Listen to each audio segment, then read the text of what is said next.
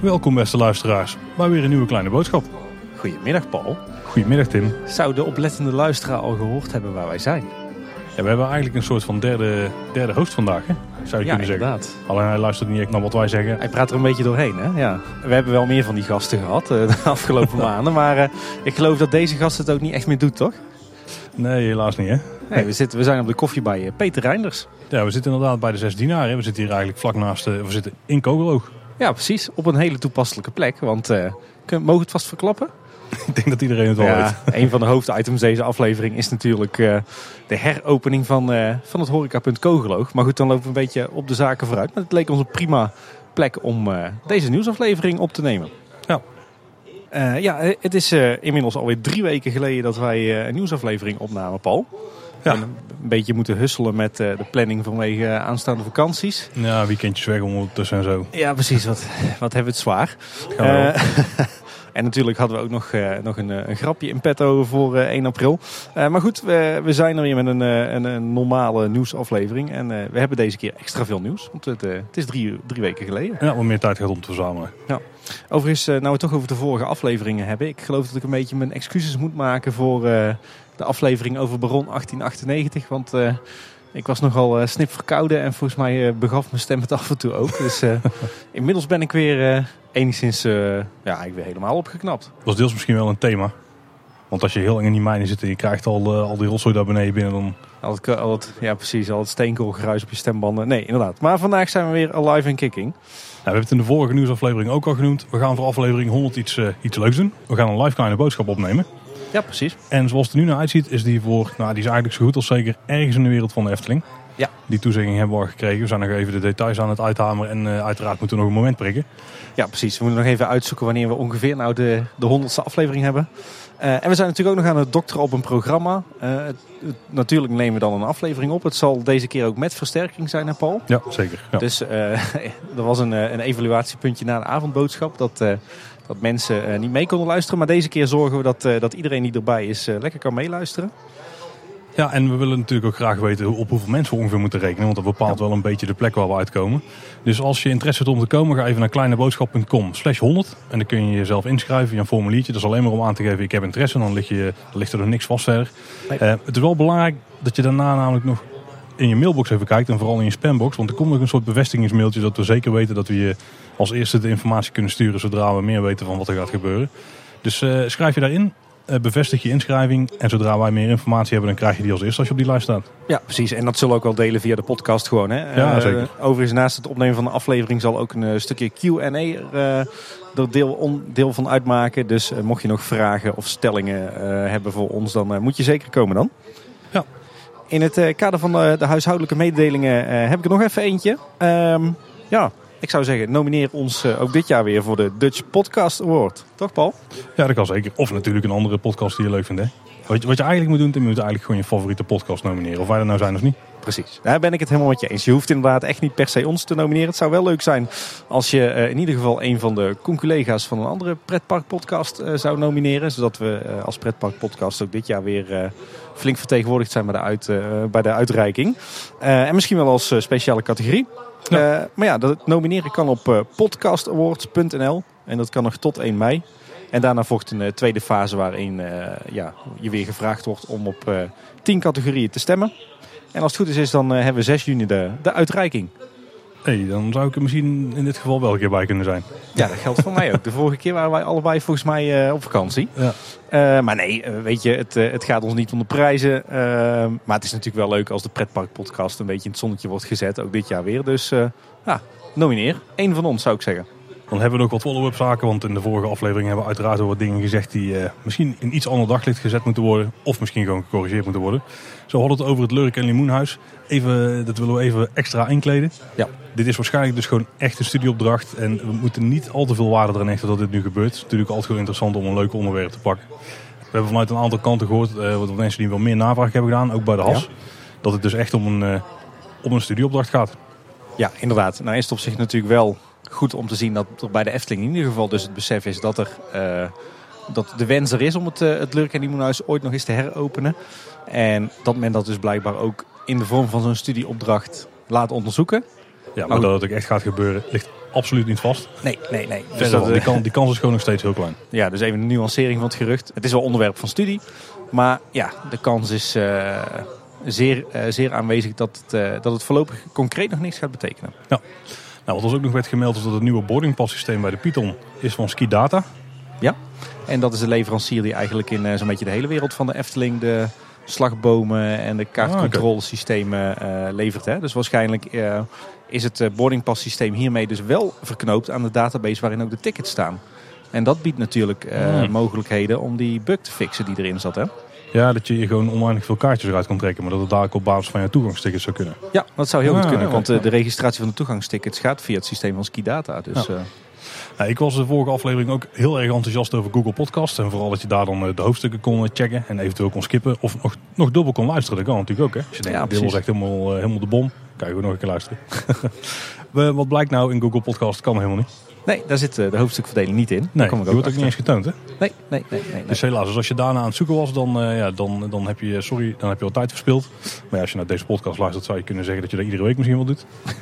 Niet te kritisch over onszelf, Paul. Overigens was ik ook heel enthousiast over, uh, over die app, over de Google Podcast app. Maar ik moet dat inmiddels ook een beetje nuanceren, want uh, er zitten aardig wat bugs in die app. Dus ik weet nog niet of het nou helemaal een aanrader is. Ah, oké. Okay.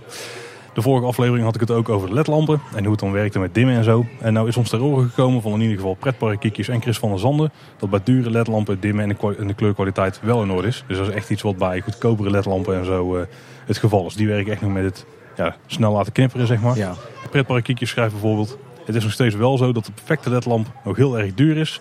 en ook veel vermogen moet hebben. Vaak is het dus vooral een afweging van kost en kwaliteit. En ik geloof wel dat de Efteling in het artikel in uh, het LED magazine wel heeft benadrukt dat ze wel echt voor kwaliteit gaan. Hè? Ja, ja, en ook voor het bedrag wat ermee gemoeid ging, dan moet je toch best wel... Voor 1 miljoen euro aan ledlampen ja. kan je aardig, uh, aardig vooruit. Ja? Ook al zijn het een paar honderd lampen inderdaad. en Chris schreef dus hetzelfde en Chris is natuurlijk ons fotograaf. Ja, precies. Die, uh, die, heeft vaak met ledlampen te maken en vooral in dark rides. Dus dat, dat is zijn uh, bane of existence, schreef hij zelf. Ah, kijk. Ja, dus ja, die is er niet zo blij mee als een slechte ledverlichting is in dark rides. Maar bij goed ledverlichting geen probleem. Overigens viel me wel weer op, nou we het er toch over hebben, dat, uh, dat met de week dat er meer ledlampjes uitvallen bij het Carouselpaleis. Dus daar moet echt nodig eens wat gebeuren. Ja, maar er zijn ook hele, hele oude ledlampjes. Hè? En eerste generatie, hè? Ja. ja. Uh, verder kregen we nog een reactie van Michelle Heesakkers. En die schrijft: uh, De oude tuffer bij de bocht in de oude baan was geel en niet blauw. Zoals de bewegende tuffer in de nieuwe attractie. Ja, dus het is toch een, uh, waarschijnlijk een van de rijdende tuffers geweest. Ja. ja. Of misschien eentje die dan al van de baan af was afgehaald. Maar niet degene die daar in het midden stond in ieder geval. Nee, precies. Ik noemde in de vorige aflevering ook de fotografietruc waarbij ze gewoon motorolie over pannenkoeken heen gooien. Hou nou toch op, Paul. Hoe is het met jouw pannenkoeken? Consumptie geweest de afgelopen dagen? Nou, toevallig ben ik uh, vorige week zondag uh, hebben wij even bij Pols Keuken weer wat pannenkoekjes weggetikt. En, uh, Met uh, strooprover? Nee, ik ben voor oh. de warme kersen en slagroom gegaan. En ben je ook voor de cornflakes gegaan bij het ontbijtmachine? Niet nee. dat ze die hebben trouwens. Hoor. Nee, nee, nee, nee, nee. wat Daniel van Aarlons nog meldde. Bij cornflakes reclames dan wordt er helemaal geen melk gebruikt in die kom. Maar er wordt er gewoon lijm ingestoken. En dan doen ze daar de cornflakes in. Ja, nou, misschien moeten we dit onderwerp maar even laten varen. En we hadden ook nog een berichtje van Hilde Mahuri, als ik het goed zeg of mannelijke poppenspelers wel of geen aspoester zouden zijn. Uh, en ze schrijft, Draak werd in het verleden door een vrouwelijke poppenspeler gespeeld. Ook was Draak in de oude Sprookjesboom, uh, tv-afleveringen en zij. Oh. En dat klopt inderdaad. Uh, draak, ja Draak ligt graag wou ik zeggen. Maar het is zeg maar Draak van de Sprookjesboom is inderdaad ergens in de loop der jaren van geslacht gewisseld. Hm. Ik, zit er, ik zit er niet echt in. Ik was toen niet de doel. De Efteling is haar tijd vooruit wat dat betreft. Dick de Wit die schreef ter aanvulling op jullie entertainmentblokje. We kregen om 12 uur rood kapje voorgeschoteld als show. Eerste liedje was Nederlands en Engels. Daarna werd gevraagd of er buitenlanders bij zaten. Toen bleek van niet, werd de show voor de rest in het Nederlands gedaan. Meerdere shows klopt. Om 12 uur was rood kapje en daarna Assepoester. Ik heb inmiddels ook meerdere shows gezien. Ook eentje met Langnek. Oké. Okay. En ook die van rood kapje en die van Assepoester. Ja. En we kregen nog een laatste berichtje van Bosgeestje. Die schrijft kleine toevoeging op aflevering 82. Je kan ook via Twitter een privébericht naar de Efteling sturen. En dan sturen ze de parkfolder, soms met de plattegrond, gratis op. Nou, super service toch? Ja, zeker. We hadden zelf een 1 april aflevering over Panadro natuurlijk. En daarna kwam nog een, een heel verhaal over de schilderij in het, uh, Carouseltheater. Maar daar hebben we het later nog wel een keer over. Ja, precies. Ja, moeten wij daar eigenlijk onze excuses nog voor aanbieden aan onze luisteraars, Paul? Nou, we hebben er een hele aflevering nog achteraan gepakt. Dus ik hoop dat het niet nodig is. Ja, precies. Ik, ik, hoop, dat, ik hoop dat dat ook de moeite waard was van het luisteren. Maar ik geloof dat de reacties nog uh, verrassend positief waren. Ja, kijk, we wilden dus wel een grap maken. Een hele slechte uiteraard, een hele flauwe. Eh, maar om het daar dan bij te laten en dan een aflevering van 2,5 minuten uit te brengen, dat vonden we iets te kort door de bocht.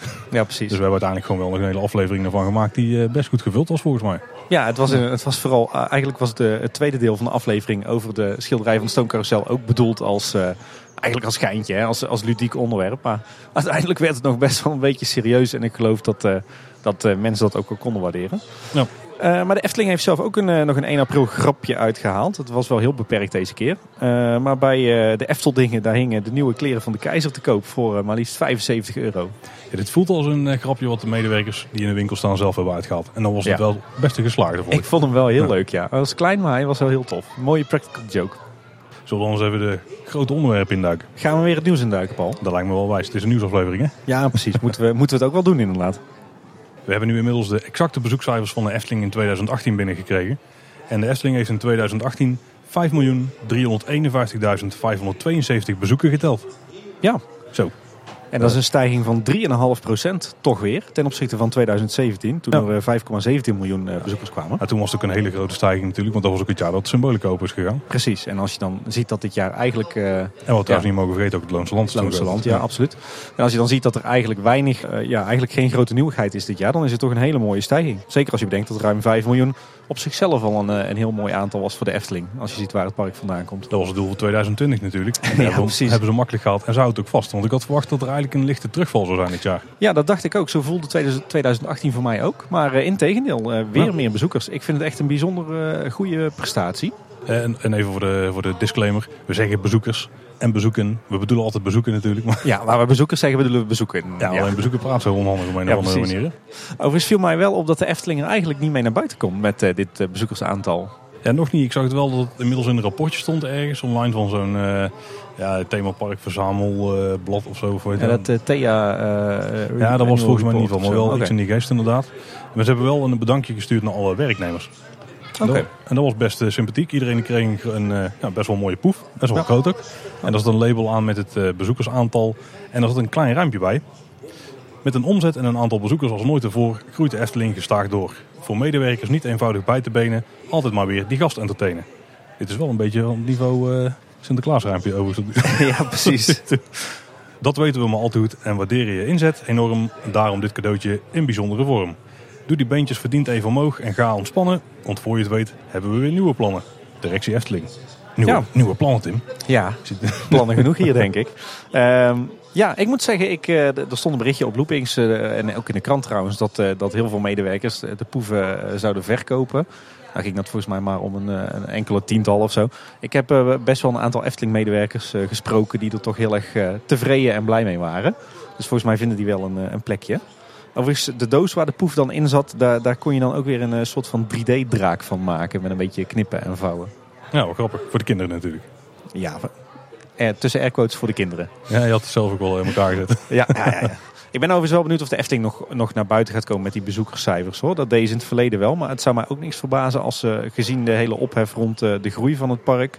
En natuurlijk ook binnenkort uh, de zitting van de Raad van State. Als ze er Ah. bewust voor kiezen om dit even niet, uh, niet actief te communiceren, zeg maar. Ja, dat is het wel een. Ja. Nou, dat is wel een goed punt, Tim. Dat zou mij niks verbazen.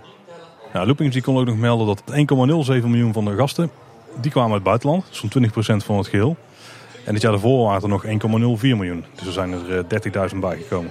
Ja. Dan heb ik even wat lagere wiskunde daarop losgelaten. En dan blijkt de tuinstijging is van 2,9%. Uh, het scheelt allemaal elkaar niet zo heel veel. Maar het is dus wel minder gestegen dan het totaal aantal bezoeken. Dat is dan weer wel opvallend.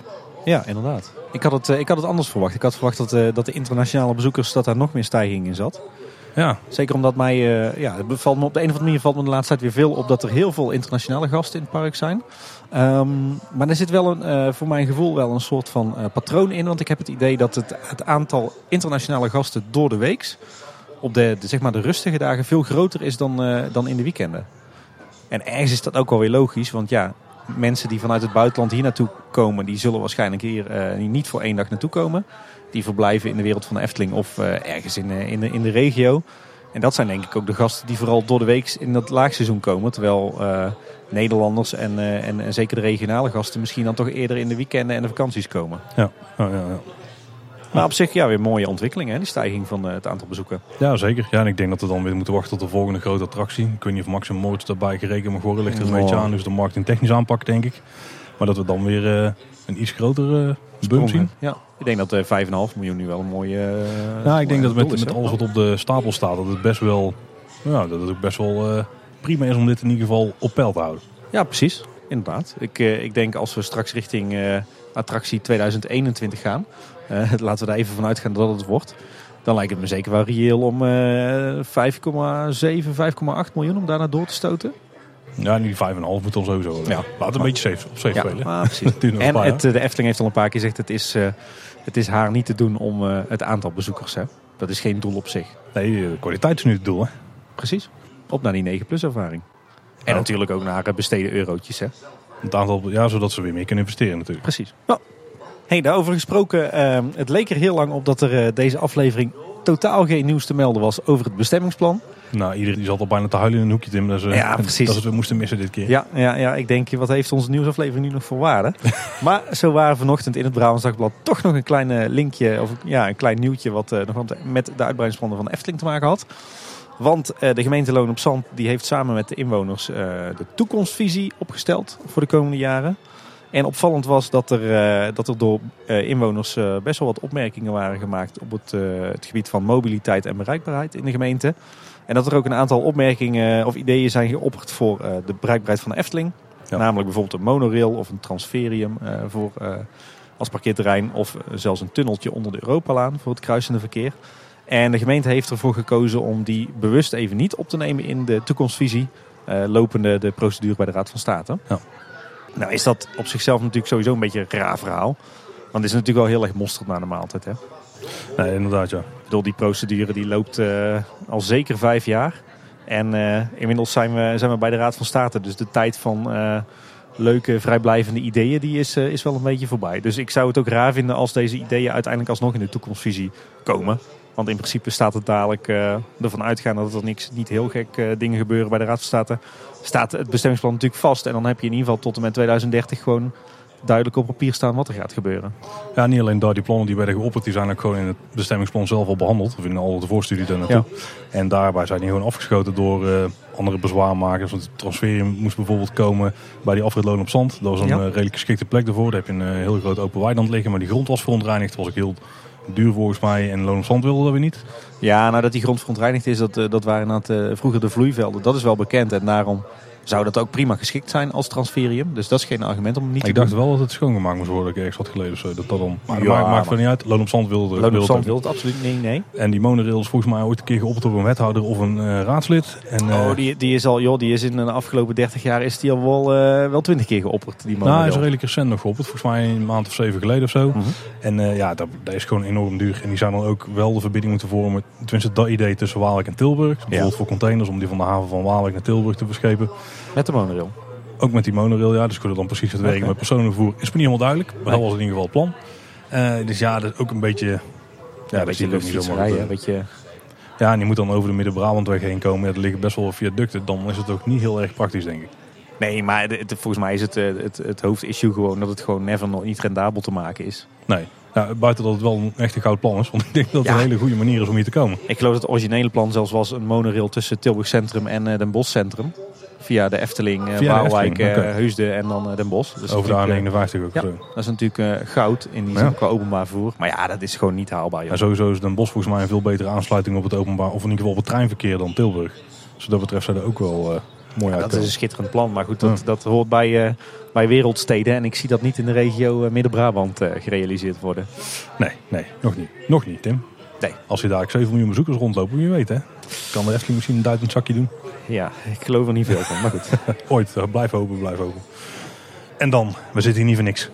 Nee, Groot nieuws in één keer afgelopen week. ja, heel verrassend nieuws. Ja, ook. heel verrassend nieuws inderdaad.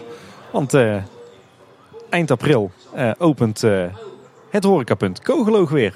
Of Ja. de zes dienaren. Ja, de kogel ook, daar wordt over gesproken. Ja. Ja, ja, ik zit hier nu te kijken, maar het bord boven de toonbank, daar staan nog steeds de zes dienaren op. Dus, Oh zo, ja. maar goed, laten, laten, we, laten we voor nu even aanhouden dat dit Kogeloog is. Nee, eh, de, de Efteling die, eh, die gaat Kogeloog heropenen. eh, op alle gezellig drukke dagen tot en met september van dit jaar. Ja, en ik denk dat het wel te vergelijken is met het ijskookkarretje wat hier stond. Meldde Roy Jansons namelijk ook. Dat als het eerder druk was, was dit vaak de plek waar een ijskookar werd opgesteld. Ja, de laatste jaren wel inderdaad, ja. Eigenlijk wel heel zonde, want je hebt natuurlijk een mooi horecapunt en daar zitten we nu naast. Precies. En dat is natuurlijk veel beter om die open te maken. Ja, en het was natuurlijk ook eeuwig zonde eh, dat dit horecapunt dicht was. Zeker als je bedenkt dat het niet alleen de Efteling steeds drukker wordt, maar ook het Sprookjesbos steeds drukker wordt. Eh, en dat je eigenlijk maar op één plek een vaste horecavoorziening had, namelijk Ja. op het Herautenplein. Terwijl er hier eentje was die ja, eigenlijk een beetje ja, die gewoon dicht was. Ja, maar kijk ook hier hoe we zitten, Tim. We zitten lekker onder een afdakje. Hè, daar als het warmer is, lekker in de schaduw. We zitten te kijken naar een van de, nou, een van de mooiste sprookjes van het Sprookjesbos. meest kenmerkende figuur, Efteling figuren. Ja, Ja. met een mooie vertelling erbij. Er komt hier daar ook het terras trouwens, hebben ze ook eh Ja, bekendgemaakt. hè. Dus hier ergens komen tafeltjes en stoeltjes nog te staan. Ja, de, de bankjes onder de overkapping waar wij nu op zitten, die blijven ook gewoon eh, staan. Ja, dat is toch een prima plek om daar een ijsje te eten. Dit is een schitterende plek. Maar ja, dat is ook niet zo gek. Hè? Ik bedoel, dit, dit horecapunt is er al sinds, eh, sinds eind jaren 60 geloof ik. Als ik het goed had gelezen op, eh, op de blog. Ja, dat is, het, is natuurlijk een prima locatie daarvoor. Hè? Aan zo'n pleintje bij zo'n sprookje. Nee, ik, vind het, ik moet zeggen, ik ben bijzonder enthousiast eh, dat, eh dat Kogeloog weer open gaat. Echt een, een, een hele goede, slimme zet, denk ik. We hebben het zelf ook al in meerdere afleveringen aangehaald als grote wens van ons. Dus wij kunnen er alleen maar blij mee zijn. Ze gaan hier trouwens eh ijskoeps en horentjes met bolletjes schepijs verkopen. Dat lijkt me op zich een mooi assortiment. Zeker voor die drukke dagen. Want Ja. eh, het is vooral in de zomer natuurlijk druk hier. Ja. En dan kun je prima zitten. En er worden overigens ook nog eh, koffie, thee en frisdranken eh, gaan er ook nog verkocht worden. Dus als je geen ijsje hoeft, maar je hebt toch dorst, dan eh, kan je hier ook terecht. Ja. Ik ben overigens wel benieuwd of we dan dadelijk een, eh, een koep eh koukleum gaan krijgen, Paul. Oeh, ja, dat zou wel heel passend zijn hier. Toen ik het bericht las en inderdaad de combinatie met ijsjes, dan is dat wel een redelijk voor de hand liggende naam. Hè? Ja. Ook gewoon dan- het puntje zelf trouwens. Hoe bedoel je? Dat ze kogeloog noemen naar koukleum. Mm, Dus wel een beeldje even historisch. eh, nee, dat vind ik eh, uit historisch oogpunt niet, niet kloppen. Maar, Ja, de- kogeloog stond eerst daar ergens. ja, dat is ook alweer zo. Dat is ook alweer zo. Ja, als je meer informatie erover wil weten op het Efteling blog, daar staat dus een mooi, eh, een mooi artikeltje. Ook met wat oude foto's, of in ieder geval ontwerptekeningen van vroeger. Nou ja, daar is echt enorm veel werk in gestoken, Ja. zag ik. Eh, En een heel verhaal over de geschiedenis van dit horecapunt. Tot in het kleinste detail. En inderdaad behoorlijk wat tekeningen, en bouwfoto's en oude foto's. Dus eh, daar heeft iemand heel erg, eh, heel erg haar best gedaan, eh, Gerry. Om, eh, om dat eh, input te leveren voor dat, eh, voor dat blogartikel eh, zo te zien. Was echt heel leuk, eh, heel leuk om te lezen. En er is inmiddels ook wat eh, werk al verricht hier. Als ik nu naar het horecapuntje kijk, dan is het eh, geschuurd. Dat kan ik in ieder geval zien. Nou, nee, ja, dat is niet helemaal wat er is gebeurd, Paul. De, de, de plaat, zeg maar, die was eh, vastgeschroefd op het uitgifteluik, die is verwijderd. En eh, volgens mij hebben ze eh, nieuwe luiken geplaatst. Of inderdaad de oude luiken geschuurd. En er zitten ook nieuwe scharnieren op. Ik bedoelde eigenlijk meer de balie. Die is wel Oh, die is wel geschuurd. Ja. Ja. Goed man. Dus er gebeurt van alles aan de binnenkant. is ook werk geleverd. Ik zag wat mensen op Twitter die waren aan het inspecteren. Want er waren mensen die hadden al foto's gemaakt van de werkzaamheden. Dat het interieur al veranderd lijkt te zijn. Oké. Dat kan natuurlijk in de loop der jaren zijn eh, gebeurd. Maar er zaten vroeger andere tegeltjes omdat er nu lijken te zijn. Oh, dan ben ik wel benieuwd. Ik heb die foto's nog niet gezien eigenlijk. Ja, moeten we eens even in de gaten houden als je dadelijk open gaat. En, en even vergelijken met het materiaal van Eftepedia. Weet je trouwens, Paul, dat ik nog eh, op Kogelo gewerkt heb? Op het dak hier. Nee, het dak. nee. Oh, in het uh, horecapunt. in het horecapunt. Oh, Mijn- dan moet je mijn- ook weten hoe het eruit zag Ja, precies. Mijn, mijn eerste jaar als vakantiekracht was 2002. Toen stond ik op het Marenrijk. En toen heb ik ook nog een aantal keer hier eh, bij Kogeloog eh, achter de balie gestaan. En eh, koffie en eh, worstbroodjes en Oh. eh, snoep verkocht. Nee, En- ik, heb, ik heb hier als klein jongetje, want dit is voor mij vooral het punt van een kindersurprise eieren. Ik denk dat ik hier Ja. mijn eerste levensgevaarlijke kindersurprise eieren heb gekocht. Levensgevaarlijk, want in de Verenigde Staten is niet verboden. Ja. Zouden gevaarlijk zijn voor kinderen. Ja. Nee, dit was inderdaad voor mij ook een plek waar ik vroeger best wel, veel, best wel vaak iets van snoep of drinken kreeg. Ja. Over, weet je, overigens dat nadat Kogeloog sloot in, in 2003, dat het ook nog een tijdje in gebruik is geweest als een soort van popcornfabriek voor de hele Efteling. Eh, Een pop een, een fabriekje zelfs. Ja, nou ja, er werd in ieder geval, eh, het horecapunt was toen al dicht. Maar eh, op de wat drukkere dagen stonden hier toen één of twee medewerkers popcorn te bakken voor andere verkooppuntjes in de Efteling. Heb je nou ook goed begrepen dat dit ook een soort kleedruimte was voor entertainment? Dat weet ik niet, want dat is van na mijn tijd. Ik heb alleen, hier alleen nog gestaan toen het open was en daarna om wat popcorn te bakken af en toe. Ik, wat er daarna mee gebeurd is, ik ben in eh, 2005 gestopt als vakantiekracht, dat weet ik niet. Nou, ik ben heel benieuwd. Het wa- Het was in mijn tijd een heel eh, een prachtig authentiek gebouwtje, eh, ook van binnen. Dus ik ben heel benieuwd hoe het er nu uit gaat zien. Het enige wat ik hier eigenlijk nog mis, of wat ik nog wel graag zou willen zien, is toch een toiletunit of zo. Of in ieder geval iets van toiletruimte. Het is heel erg veel gevraagd. Ik kan me niet voorstellen dat dit zomaar eh, dat ze er zomaar gaan toevoegen. Maar dat missen natuurlijk ook nog in het Sprookjesbos. Hè. Ja, We klopt. hebben dadelijk wel twee horecapuntjes. We hebben één toilet. Als je het Sprookjesbos in of uitloopt, dan moet je heel snel het carouselplein in. Maar dat is dan het dichtstbijzijnde. Ja, klopt. En wat ze nu gaan doen hier natuurlijk is ook nog eens... Ik denk dat het nog een soort van proef is. Is een soort pilot, hè? want er is ook gevraagd door mensen van wat gebeurt er dan na eind september, maar dat is nog niet bekend. Hè? Dus eh, ga in grote getalen hier een ijsje halen. Ja, dan weten we zeker dat het volgend jaar terugkomt. Maar ja, als het niet een succes wordt, ja, dan blijkt het ook niet een goede plek te zijn, denk ik. Ik denk dat dan een conclusie is die je wel mag trekken. Nou, ik- denk dat dit, dat dit horecapunt wel moet gaan lopen, hoor. gezien de drukte in het Sprookjesbos en Ja, ik het, gebrek aan eh, verkooppuntjes. Ja, dit En ze gaan het op zinnige moment open doen. Ja, inderdaad. Ja, dit is gewoon een hele slimme, goede zet, denk ik. Heel fijn dat, eh, dat dit horecapunt weer een oude luister wordt hersteld. Nou, om even te checken wat jullie ervan vonden, hebben we een eh, zeer gebalanceerde poll op Twitter gezet. Ja, precies. Eind april heropent de Efteling het vermaarde verkooppuntje Kogeloog. En dat vind ik, en wat was de uitslag toen? 41% vond het geweldig. 21% vond het fantastisch. 19% vond het fenomenaal. En 19% vond het magnifiek. Nou, dat is toch overwegend positief zou ik denken? Ja, precies geen enkele negatieve feedback eigenlijk. Hè? Eigenlijk niet, nee. Goed man. Ja. En daar kreeg, kregen we maar liefst 256 stemmen op. Oh, dat is een getal waar mijn nerdhart hard van gaat kloppen. Oh, iets met bits en bytes. hè? Wist je dat er ook nog een kindermenu was bij de Efteling? Bits en bytes. Ja, dat hebben wij besproken in onze aflevering over Tim. Oh, ja, dat is waar ook. Aflevering- dat was- 40. Ja, of 40? Ja. Zo, heel goed Tim. Onze lopende database. Maar goed, eh, dat, dat is over Kogeloog, eh, denk ik. ja, maar er gebeurt er wel nog meer in het Sprookjesbos. We hebben ook nog de zes zwanen. Ja, inderdaad. En daar gebeurt er ook wel redelijk veel. Ja, daar gebeurt heel veel qua bouwactiviteiten. Ja, het metselwerk dat gaat er hard de lucht in. De dakbedekking zit er voor een groot deel al op. Ja, in ieder geval de dakplaten en de, de panlatten. Hè? De, de leidjes of de, de dakpannen zelf nog niet. En de ui, De ui. Dat is ja. zeg maar de top van de toren die er nog opgehezen moet worden. Die is ook al helemaal bekleed. Ja, die is eigenlijk helemaal af, hè? Ik denk dat het niet heel lang meer gaat duren voordat die erop gaat. Dat kan goed wel als volgende week zijn. Ja, ja je had geen kraan gespot vandaag, hè? Nee, er staat ook op dit moment geen kraan meer. Die heeft er wel een tijdje gestaan. Dus dat zal betekenen dat zodra er een kraan is, dan gaat die ui erop. Ja, precies. Hij is wel schitterend gemaakt, hoor. Helemaal mooi met leidjes bekleed, met uh, nokvorstjes. En eh, er, zit ook een soort kleine dakkapelletjes op, lijkt het wel, hè? Met nokvorstjes. Tim, praat eens bij. Ja, dat zijn een soort eh, pannen waarmee de, de, zeg maar, de hoeken worden afgewerkt. Ah, oké. Weer wat geleerd. Je kan eigenlijk wel stellen dat de, zeg maar de buitenkant van het sprookje, de gevels, dat die zo goed als klaar zijn. Wat je al zei, het metselwerk is zo goed als klaar. De ui is dus klaar. De, de pannenlatten zitten, zitten al op de, op de dakplaten. Volgens mij zitten alle kozijnen erin. Er is een hoop houtwerk aangebracht. Er zijn een heleboel eh, decoratieve elementen aangebracht. Zowel eh, in polyester als in beton, hè, bijvoorbeeld bij de kantelen. En ja, eigenlijk volgens mij het enige wat nog moet gebeuren is, uh, is het, uh, zeg maar het afwerken. Hè? Dus het aanbrengen van het stukwerk, het aanbrengen van decoratieschilderwerk en het dekken van de leidjes. Klinkt alsof het bijna af is. Ja. Er moet wel iets mee gebeuren, denk ik. Ja, goed. dat, duurt, dat duurt ook nog wel even. Weet, weet je wat me trouwens wel opviel, Paul? Um, voorheen was het altijd zo dat de Efteling, als ze stukwerk wilden maken, dat ze alles opmetselden. Gewoon met bakstenen. Uh, dat geldt nu ook voor een deel van het sprookje. Er is ook gewoon uh, nog authentiek gemetseld. Alleen, ik heb het idee dat, uh, dat een aantal vlakken, de, zeg maar, zeg maar de ronde toren, maar ook het, het entreeportaal, daar hebben ze nu een soort van, ja, ja, draadgaas, een soort van, van gaas inderdaad aangebracht. heel, met, met, met hele kleine maaswijten, zeg maar. Op een soort van onderconstructie van wapeningstaal. En het, het lijkt erop dat ze daar dus spuitbeton of stukwerk op gaan aanbrengen in plaats van op metselwerk. Ja, dat is vergelijkbaar denk ik met hoe de rotsen in Symbolica zijn gemaakt. Of rondom Symbolica. Ja, ja inderdaad. Ja, dat is een, ook een bekende techniek voor rotsen. Maar in, in de Efteling volgens mij nog niet eerder toegepast om, om gewoon geveltjes mee te stukken. Ik zou het niet weten. Nee, meestal wordt het, wordt het gemetseld. Ik kan het me wel voorstellen, want uh, het rondmetselen van zo'n toren is best wel arbeidsintensief. Dit zal misschien wat, wat sneller en wat goedkoper zijn. Nou, ik bedenk me niet, net trouwens dat alle torens van Symbolica ook zo zijn gemaakt. Hè? In de Torenstraat op de speelweide. Ja, klopt. Ja. En die zijn daarna opgehezen. Dus natuurlijk een stuk lichter dan als je ja, bakstenen constructies ja. erop, erop gaat hijsen. Maar...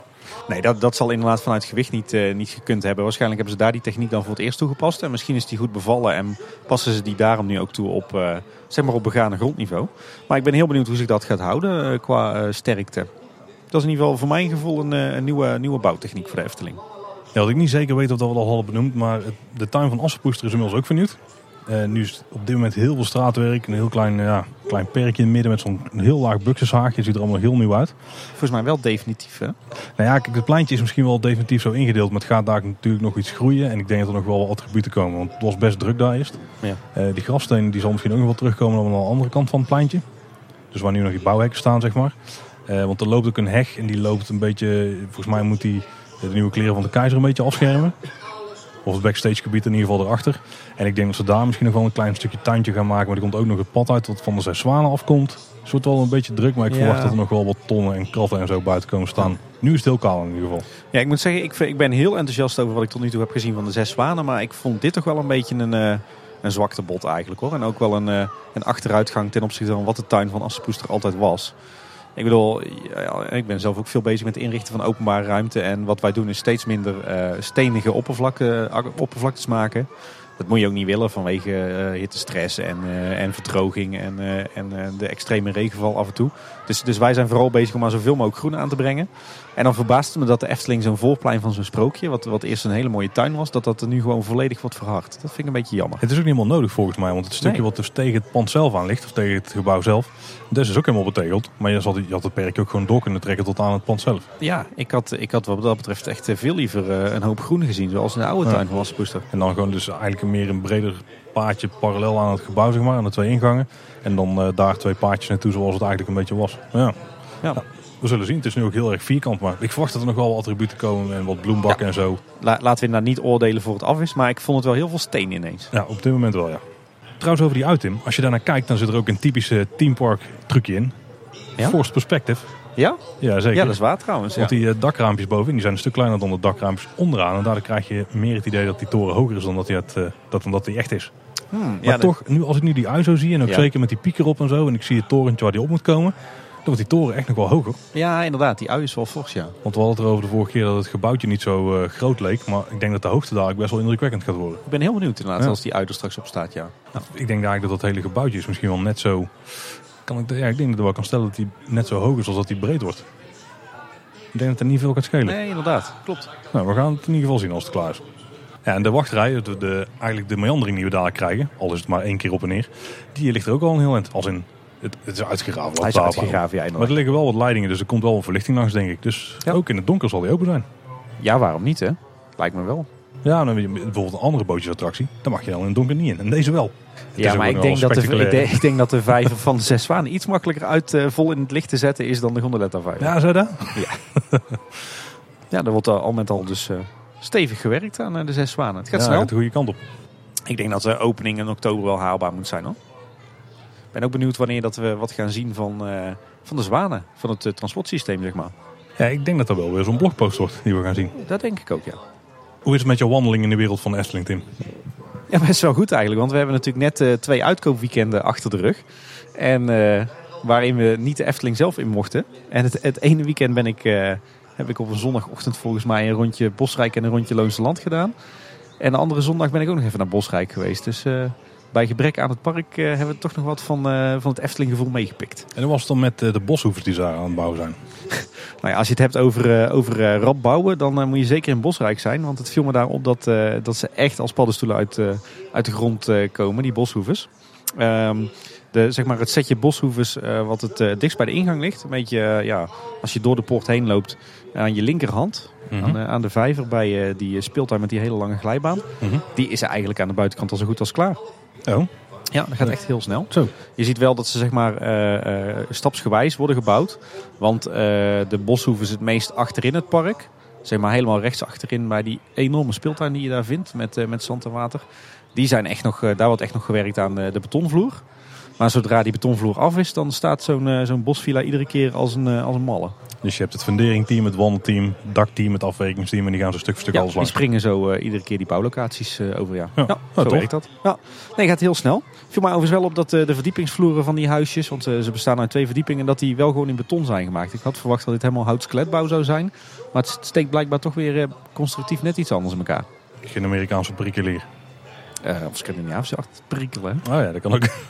dat moet ik allemaal nog gaan ontdekken. Ja, ja, precies. Maar eh, nee, ja, ook daar wordt hard gewerkt. Ik, ik kan me nog steeds niet echt aan de indruk onttrekken dat, eh, dat, dat daar niemand nou heel erg overlast van heeft. Maar goed, het voordeel van deze snelle bouwmethode is wel dat tegen de tijd dat het, het echte hoogseizoen er is in Bosrijk, dan, Zou het moeten staan Nederland. dan is het klaar. In ieder geval buitenkant. Ze zien er in ieder geval, eh, die boshoevers die al klaar zijn, zien er eh, bijzonder fraai uit. En passen ook prima in eh, Bosrijk. En ik ben nog steeds ja, wel gerustgesteld dat er eigenlijk helemaal niet zoveel bos voor gesneuveld is. Storytelling maestro Philip Kostjes, die is ook naar Bosrijk geweest. Ja, En die heeft daar voor ons een audioverslagje gemaakt. Ja, samen met zijn vrouw Rebecca, hè, die we Ja. ook kennen van de YouTube-video's. maar die, Die heeft ook meegedaan, dus die kennen we nu ook in audiovorm. Hi, daar ben ik weer. Philip Corsius. Ik ben zo onderhand de Jan de Bouvry van uh, Kleine Boodschap, geloof ik. Als Paul en Tim dan Gert-Jan Dreugen zijn. Google even Gert-Jan Dreugen en uh, Jan de Bouvry. En ik heb vandaag iemand bij me. Hallo, ik ben Rebecca. Ik ben de vrouw van Philip. En we zijn samen uh, op vakantie hè, Ja. in Bosrijk. We zijn een weekendje even weg en eh, zitten nu in een appartement. We kijken uit over heel Bosrijk vanaf de derde verdieping hier.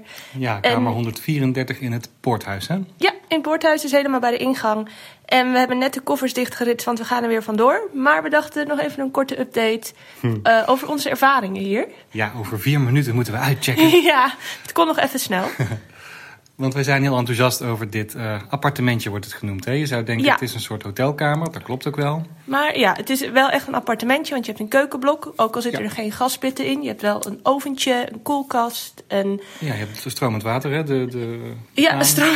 Ja, nee, maar goed, in de badkamer heb je dat Het is altijd. net een maar... geciviliseerd Nee, appartement. ik bedoel een keukentje met Ja. ook water. Met ook water. Eh, we zijn er met z'n tweeën, maar je hebt ook een extra kamer waar eh, een stapelbed eh, en nog een losbedje is. Dus je kan hier in principe met drie kinderen slapen.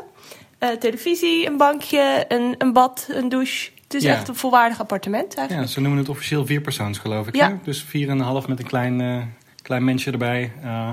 En dit was ook het kleinste wat we konden huren Ja. hier. Ja, want je kan niet met z'n tweeën in een huisje hier. Want daar moet je dan denk ik minimaal vier personen hebben. Ja, dacht het wel. hè? Ja, een appartement kan je wel met z'n tweeën heen. En dit hebben wij last minute geboekt. Ehm, wat wil zeggen dat alles wat nog over is, gaat dan in de last minute verkoop. En daar hebben wij deze uitgepikt. En het is heel erg goed bevallen, toch? Ja, ik zou hier best wel willen wonen hoor. Ja, het is een, een tiny eh, house dan natuurlijk. Maar Ja. Het is echt heel leuk eh, landelijk eh, ingericht en zo. Ja, ja, het is heel leuk. En, en je mag met je toegang tot het appartement ook het eh, badhuis in. Dat is het zwembad van Bosrijk. Hebben we ook één avond gedaan. Dat is ook erg leuk, is heel goed bevallen. Zeker, met een, een lazy river erin eigenlijk. Een stukje Ja. stroomversnelling. Stroomversnelling en een bubbelbad. En nog twee kleine badjes voor de, voor de kinderen. Ja, Ehm, de appartementen zijn zonder ontbijt, maar je kan wel een ontbijtbuffet bijboeken. Dat hebben wij één ochtend gedaan. Dan eet je Ja. in het eethuis. En dat is recht onder ons, want we Recht zitten boven het restaurant. En in mijn geval betaal je misschien wat veel voor dat ontbijt. Want ik eet gewoon nog niet zo heel veel 's ochtends. Maar Allah, hè, daarom het hebben is we wel het echt-. Echt zo'n luxe hotelontbijtje. Dat is wel heel leuk Zeker. erbij. En eh, wij kwamen Roodkapje en de prinses van Aquanura. Nee, niet. Nee, we kwamen ze? Eh, Assepoester. Assepoester, ja. die schoven en aan bij het Assepoester. ontbijt. Dus eh, dat is ook wel een extra leuke verrassing. En nou ja, je krijgt dus ook toegang tot het park erbij. Wij zijn er Mhm. dan drie dagen en twee nachten. Dus we kunnen nu zo nog even het park in. Ja, we zullen eerst maar eens even gauw uitchecken. Ja, dat is, dat is een goeie. We hebben nu nog één minuut, denk ik. nou, wij gaan. Doe. Wij zijn inmiddels in de Efteling. Ja, op de promenade. Yes. Eh, we hebben net een twinkeltoorts gekocht. Want ja, ach, hè, waarom niet? Ehm, maar Bosrijk, Ja, Er nog even als afsluiting. ja, er, er worden huisjes bijgebouwd. Ja, op een paar plekken eigenlijk. eh, een, een heel groot huis ergens volgens mij. Echt zo'n eh, familiehuis. Ja, echt enorm. Eh, best wel midden in het park. Maar het kan eraan liggen dat wij er in het weekend waren. Er werd niet Ja. gebouwd op dat moment. Nee, wij hoorden geen lawaai, we hadden nergens Nee, er was geen activiteit. Nee. Eh, en zelfs als je door het park loopt, ja, op een aantal plekken zie je dat ze aan het bouwen zijn. Maar zelfs dat valt enorm mee. Ja, het valt heel erg mee. Geen enkele last van gehad. Nee. Nou, dus wij gaan nog eens een, eh, een derde dag Efteling. Ja, dat, eh, luxe hoor. dat doen we normaal gesproken niet, maar hartstikke leuk. Heb jij al een eh, favoriet moment van de afgelopen drie dagen? Tweeënhalve dag? Ja, nou, wat ik wel leuk vond, eh, het was allebei de dagen, maar we zagen het voor het eerst op zaterdag. Op het plein voor de Fata Morgana. Dat is toch wel eh, eigenlijk de favoriete attractie van ons allebei, denk Mhm. ik. Eh, zat een schoenenpoetser op het plein. Dat vond ik heel erg leuk, want dat, dat deden ze natuurlijk om een beetje de sfeer van het Midden-Oosten daar eh, neer te zetten. En dat was een, een schoenenpoetser met een heel eigen kraampje en een, een, eh, een kleed voor zich en een bordje 0 euro.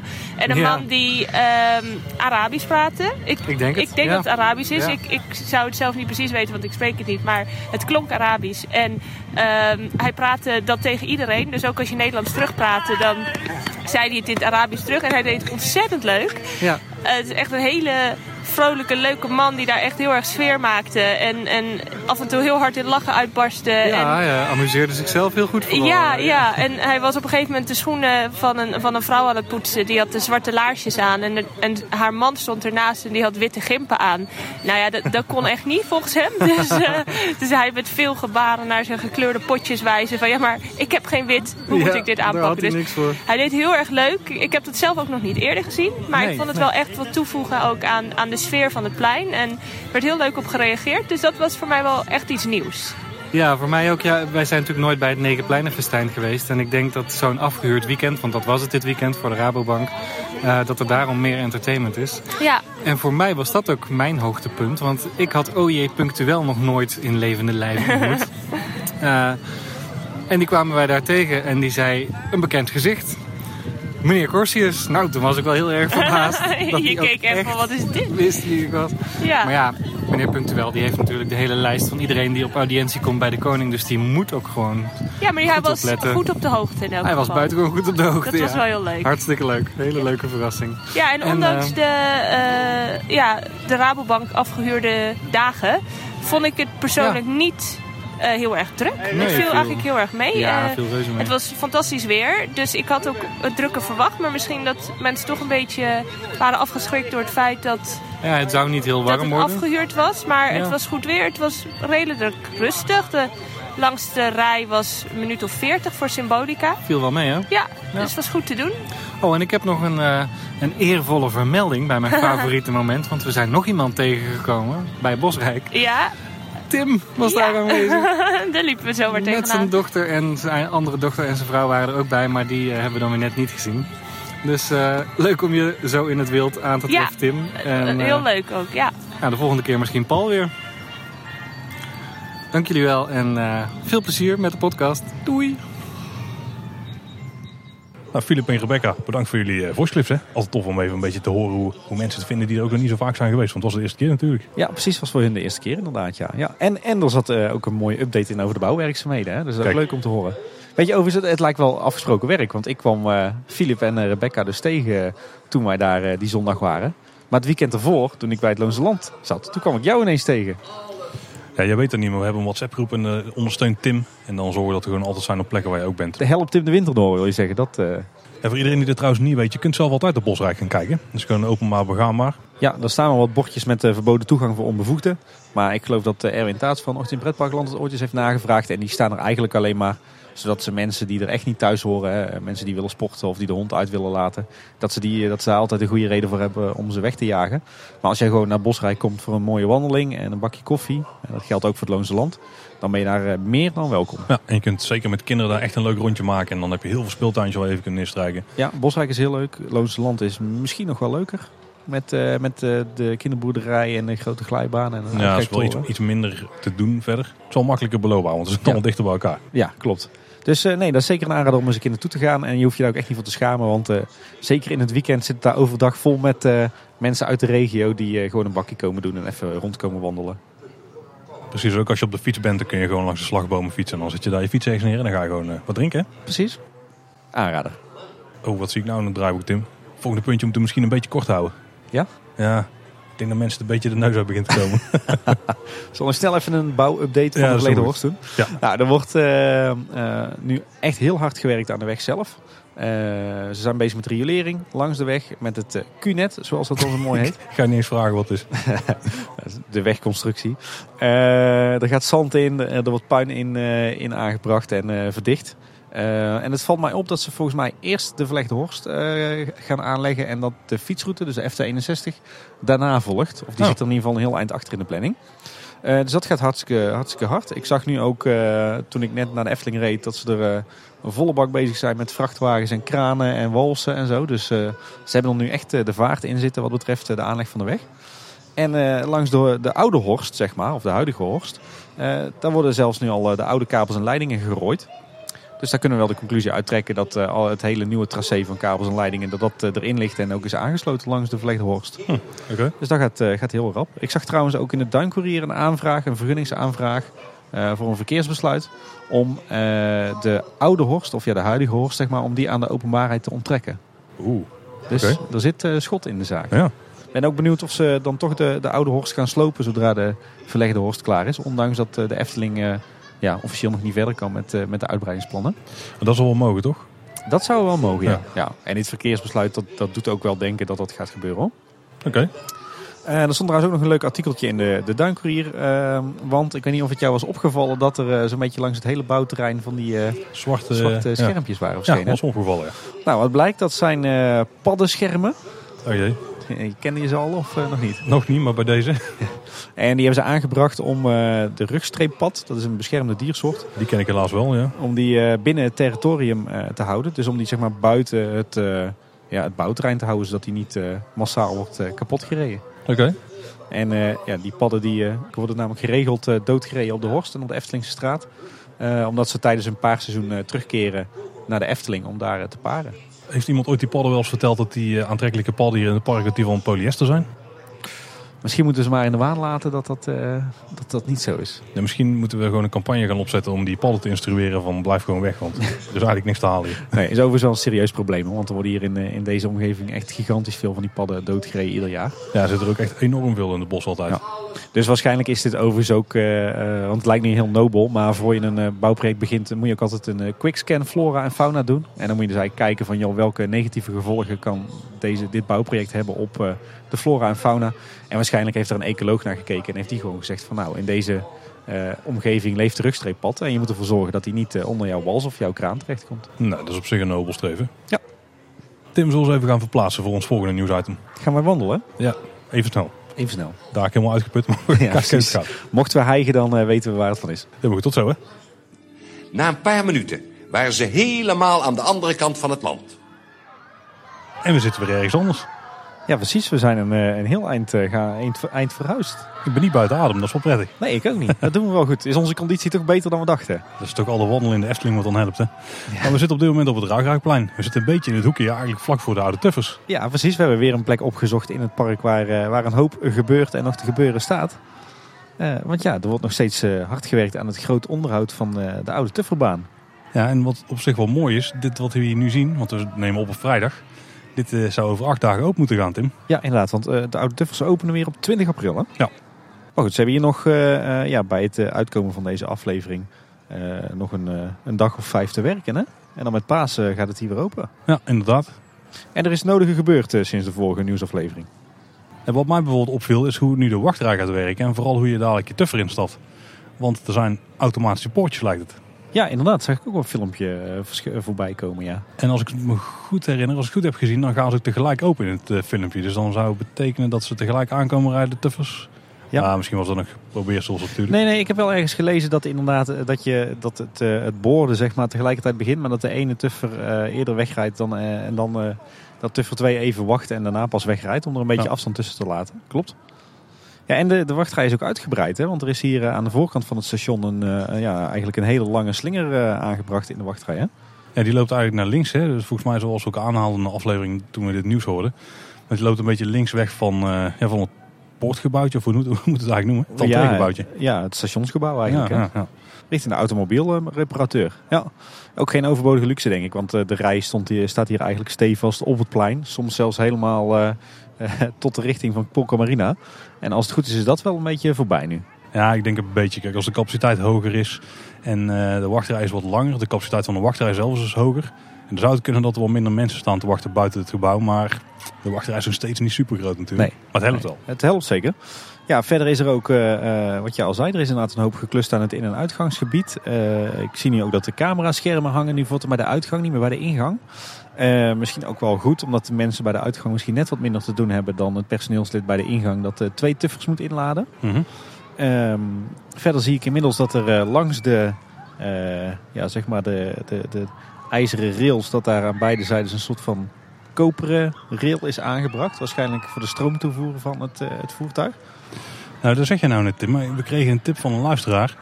En die zei dat er wel eens leds onder aangebracht konden zijn. En als ik nu goed zit te kijken, dan lijkt inderdaad het geval dat er leds onder die eh, koperen strip zitten. Ja, je hebt zeg maar een soort van gegalvaniseerde rail waar denk ik het, eh, ja, het voertuig aan vast zit met een soort loopwielen. Daaronder heb je inderdaad aan beide zijden die, die koperen stroomtoevoer Ja, die moeten wel voor de stroom inderdaad zijn. En daaronder zit inderdaad een, eh, ja, een soort doorgaande ledstrip, ja. En dan was het blijkbaar zo dat er ook getest is heel kort met eh, dat die strip aanstond. En dan is natuurlijk de vraag, is het showverlichting? Is het noodverlichting? Is het misschien gewoon avondverlichting? Ja, dat, eh, wie zal het zeggen? Dat eh, gaan we zien eh, tegen de tijd dat we hier avondopenstellingen hebben. Verder valt mij op dat er ook dat inmiddels alle gebouwtjes weer netjes zijn ingeschaduwd. Ik moet zeggen dat het heel fraai is gebeurd. De laatste, laatste tijd bij heel veel inschaduwklussen is het vooral een beetje lichtgrijs. Maar je ziet dat hier weer echt wat geel en wat bruin en wat groen doorheen zit. Ik vind het, eh, het inschaduwwerk echt eh, bijzonder fraai gelukt eh, deze keer. Ja, ik vind het ook echt heel mooi geworden. Ik heb Ja. ook staan kijken toen ze bezig waren trouwens. Ja. was ook mooi om te zien. En ze hadden ook, ja, je hebt eigenlijk het- de klok zeg maar, met eromheen die vleugels. Die al waren toen ook helemaal ingepakt. Ja. Dus die hebben ze ook, ik denk zelfs heel nauwkeurig gedaan. Want ze waren best wel met een plinkenverfspuit bezig. Ja. Ziet er zeker goed uit, ja. Volgens mij is een deel van het bladgoud op, ook opnieuw verguld. En ik zie ook weer dat ze, dat ze nu ook her en der weer wat eh, extra beplanting hebben aangebracht. Want bijvoorbeeld eh, de rotonde, waar we achter zitten, of eigenlijk ja, waar we met onze rug naartoe zitten. Daar staat inmiddels ook een soort van, eh, ja wat is het? Een soort van wild gras op. Ja, misschien heidegras of zo. Ik weet niet wat precies Ja. moet horen. Geen, geen bloemenpracht meer. Die staat dan weer aan de buitenkant. Ja, er staan inderdaad in de buitenring staan bloemen langs het hekwerk. Ja, ziet er mooi uit. Ja, verder is het hier momenteel een beetje stil. Hè? Er rijden geen voertuigen. Daar hadden we een beetje op gehoopt. Ja, dat we net in de test terecht waren ja, gekomen. precies. Ik moet wel zeggen dat er overigens de werkzaamheden rondom het midden van de rotonde... ja, Daar moet nog wel iets gebeuren. Er liggen nog veel zandhopen. Ja, volgens mij zijn ze bezig nog met eh, de bekabeling van, eh, van eh, de vogelverschrikker. Ook zo'n nieuw element dat we nog niet eerder hadden gezien. Ja, want dat is een van de veel besproken items, denk ik, de afgelopen weken. Ja, dat, Van de licht gemaakte items misschien ook wel. ja. Wat vind jij ervan? Nee, ik vond op de foto's vond ik er inderdaad uitzien als eh, de eerste aanzet van de Efteling tot een Halloween eh, evenement. Ja, precies. Maar als je er in het echt bij staat, dan valt het eigenlijk best wel mee. Dan ziet het er ook best wel geslaagd uit. Ja, hij is wel ehm, helemaal van, eh, van kunststof. Ik, Ja. had, ik had gehoopt dat zijn kleding ook echt van stof zou zijn. Voor een stukje uitstraling. Maar ik, ja, ik kan me ergens vanuit onderhoud ook wel weer voorstellen dat hij helemaal uit polyester is gemaakt. Wat mij opvalt, eh opviel op filmpjes is wel dat als die wordt geactiveerd, dat hij eigenlijk gewoon eh, ja, heel snel om zijn as heen draait. Hè? Ja, of zou er nog een test zijn geweest dat ze nog aan het eh, kalibreren waren. Ja, ik, ik had eigenlijk gehoopt dat hij een beetje zou gaan waggelen of wankelen, weet je wel. Dat het eh, wat, ja, wat, wat, wat levensechter eruit zou zien. Nu draait hij echt heel snel rond zijn as. Ja, of dan misschien de benen ook een beetje in de lucht gingen of zo. ja, Maar bewegen de kippen ook nog, want die zitten volgens mij ook gewoon stil. Hè? Het is, het is echt alleen maar een draai. Ja. Ja. Ik, ik weet nog niet zo goed wat ik, eh, wat ik van de vogelverschrikker moet denken. Ik moet zeggen dat ik toch ook hier, nu we hier zo zitten, dat ik zijn gezicht wel redelijk angstaanjagend vind, hoor. Ja, vind je? Ja. Ja, het heeft wel iets morbides. Nou, ik Het is, vind, min- het is minder erg dan op foto's, maar ja. nee, ik vind het nog wel meevallen in het echt. Het is Ik- minder horror dan ik had verwacht. Ja, oké. nou, ik, ik snap wel wat de ontwerper, eh, ontwerpers ermee bedoeld hebben. Dus in die zin eh, heel begrijpelijk, maar ja. Het is trouwens wel de slechtste vogelverschrikker die ik ken. Want er ja zitten, er zitten drie kippen op. Of vier kippen zelfs, ja. Drie kippen en een haan, denk ik. Aan de kleur van de veren te zien. nou, zou kunnen, ja. ja. Hey, er, eh, er, eh, inmiddels eh, denk ik wel het belangrijkste van die hele grote onderhoudsklus is natuurlijk dat er nieuwe tuffers zijn. Of nieuwe voertuigen moet ik eigenlijk zeggen. Die staan er inmiddels al een tijdje op de baan. Maar er was een, een uitgebreid artikel op de Efteling blog te lezen met een hoop informatie over die nieuwe tuffers. Ja, en daarin werd geschreven dat er eh, 18 nieuwe voertuigen zijn gekomen. Waarvan 13 vrachtauto's en 5 pick-ups. En het verschil is dus dat de vrachtauto's die zijn helemaal overdekt. Ja. En de pick-ups, daar is de achterkant van open. En die kun je dan zitten. Dit zijn de standaardmodellen van metaalbouw Emmeren. eh, Ja. Waar we de vorige keer al over hebben gehad. Ja, precies. En dat, dat zijn ook dus dezelfde voertuigen die in het Varsvagebiel eh attractietje zitten. In eh, Liesberg, ja. ja. Ja. Klopt. Eh daar deden ze mij ook meteen heel erg aan denken hoor. Dus ze zijn echt identiek wat dat betreft. Het is wel zo dat ze door de Efteling zijn, zijn aangepast. Eh, of dat de finishing touch van de Efteling is. Want eh, er is wat bestikkering op aangebracht met eh, zeg maar de benaming. Er zijn kentekenplaten aangebracht. Er zitten wat attributen in die dan weer verwijzen naar de, de functie van de auto, zeg maar. Dus ik heb ook het idee dat ze wat, wat zijn gesmotst, om het zo maar te noemen. Ja, zeker. Dus dat er wel- gedecoreerd zijn. Dus ik vind ze er eh, in die zin heel vrij uitzien. Ze zien er inderdaad wat ouder uit, hè? Ja, klopt. Hebben ze alle voertuigen hebben ze die, van die attributen achterin gegeven of niet? Of is er bij een aantal? Ik dacht dat ze allemaal wel wat, eh, wat hebben, ja. Ja, ik, op een of andere manier had ik denk toch tof gevonden als we het maar bij een aantal voertuigen hadden gedaan. Ik durf het niet met zekerheid te zeggen hoor. Dus, ja, we eh, moeten het gaan zien. Maar laten we even aannemen dat het overal is. Eh, dat ze het hebben gedaan, wel tof. Het maakt meer van zo'n voertuig dan alleen gewoon een simpel ja, gekleurd ding waar je in gaat zitten, zeg maar. Precies, ze hebben nu allemaal wel echt een, een eigen karakter hè, in die zin. Ja, alleen maar omdat ze het juist allemaal hebben, is misschien weer iets te veel van het goede. Ja. Nou, dat had ik op zich daar niet zozeer mee. Ik moet zeggen, ik vind ze best wel fraai geworden. Er, eh, er was best wel wat discussie op internet ook. Maar eh, Ja, ik vind ze heel mooi geworden, ook qua, qua kleurgebruik. En leuk dat ze ook die functies eraan toekennen. Want ik denk wel dat de attractie hierdoor echt wel een flinke herhaalwaarde heeft. Want er zullen best Ja. wel kinderen zijn die zeggen van... nou, ik wil nu in de auto van de brandweer of nu in de auto van de veldwachter. Ja, alleen zo gaat het in de praktijk niet werken natuurlijk. Nee, precies. Dus dat wordt best wel een, eh, een struggle, denk ik. Om eh, een soort van, eh, nou geen coaster bingo, maar tuffer bingo te halen. Mhm. Ze hebben ook wel wat leuks eh, uitgehaald met, eh, met de benaming van, die, eh, van, de, van de tuffers. Hè, zeg maar. Die verwijst echt naar, naar de functie die ze hebben. Bijvoorbeeld, je hebt kleermakerij Steek je los, imkerij de bijzaak, klompenmakerij de gebroken klomp, smikkel en smul en het hete hangijzer. Dat vind ik op zich heel leuk. begint wel een klein beetje een trucje te worden. Hè? Want je zag dit natuurlijk ook wel met de uithangborden bij de Vliegende Hollander en, en ook wel een beetje bij Ravelijn. Dus het, Maar dit is, ook wel, dit is ook wel het punt dat ze misschien dan te veel doen, zeg maar. Ja, het begint te veel denk ik een beetje een gimmick te worden. Van we pakken een, eh, een, een uitdrukking en eh, die relateren we dan vervolgens aan, eh, aan, aan het bedrijf waar de auto van is. Mhm. Maar iets, iets wat ik echt wel een beetje over de top vind zijn die nummerborden hoor. Want die nummerborden die verwijzen dan ook weer naar de functie van het voertuig. En dan denk ik van ja, dan gaat het, gaat het misschien wel heel ver. Maar goed, dat is klein bier om het zo maar te zeggen. Ja, vind de, in de basis vind ik, de, vind ik de, de voertuigen heel mooi geworden. ja nee, daar ben, ik het zeker mee eens. Ik vind het ook echt wel... eh, ik vind ze wel iets hebben. Er was best wel veel discussie over van is het nou mooier of niet. Hè, vergeleken met de oude voertuigen. Ja. Want ja, die T-fortjes die hebben dan hebben die dan meer vorm of niet? Zijn dit die vierkante bakken die gewoon op wielen zijn gezet en rondrijden? Nou, dat werd, dat werd gezegd, hè, maar dat vind ik eigenlijk dus een heel raar commentaar vanuit de liefhebbers zien. Want ik denk, ja, de, hoe de voertuigen er nu uitzien, de vrachtauto's en de pick-ups, dat is volgens mij hoe de eerste generatie vrachtauto's en pick-ups eruit zag. Ja, precies. Die waren zo log en lomp en groot. En, Ja, ik ben dus ook blij dat het niet weer zo'n primair kleurencircus is. Wat eh, dan vaak een kritiekpunt is van mij.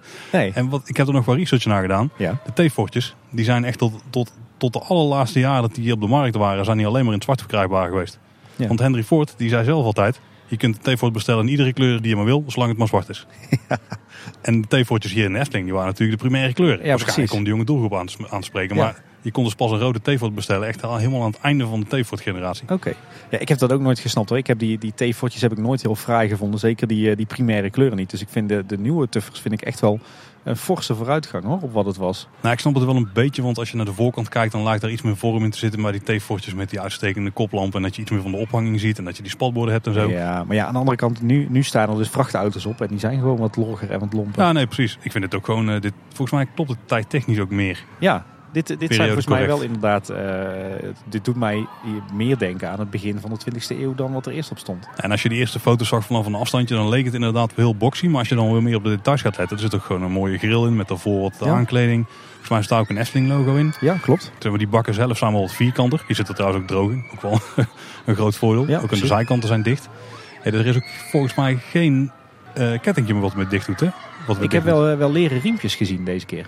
Ja, want volgens mij is het gewoon instappen en dan kun je er voorin of achterin kruipen. Je zit er ook een stuk steviger in. Je kunt niet zomaar eruit vallen terwijl die rijdt. Nee, overigens begint achter ons nu ineens een eh, pick-up voorbij te rijden. Oeh, even Dus opletten. we, zitten- we zijn toch goed gaan zitten. Nee, maar ik vind ze ook bijzonder fraai. Ze, ze hebben over het algemeen allemaal hele mooie kleuren. Eh, allemaal dus een eigen thema. En er zitten best wel veel details in. Ik zie die, die pick-up nou voorbij eh, rijden. En die ziet er ook bijzonder fraai uit. Ja, die hebben misschien ook wel meer details dan de rest. Ze zijn wel klein trouwens. Ze zijn wel een, een maatje kleiner dan een T-Fort, ja. Nou, die pick-up kunnen wij in ieder geval achterin prima zitten. Maar of dat we ook in die eh, trucks kunnen zitten? En moeten gaan daar de kindjes in zitten, hè? Ja, in de pick-up. Ja. Voorin. Maar Ja. als wij erbij moeten zitten, dan wordt het toch grappig. Ah, ja, inderdaad, dat is waar. Maar nee, ik vind, ik vind de voertuigen zelf vind ik echt absoluut een, eh, een eh, verbetering.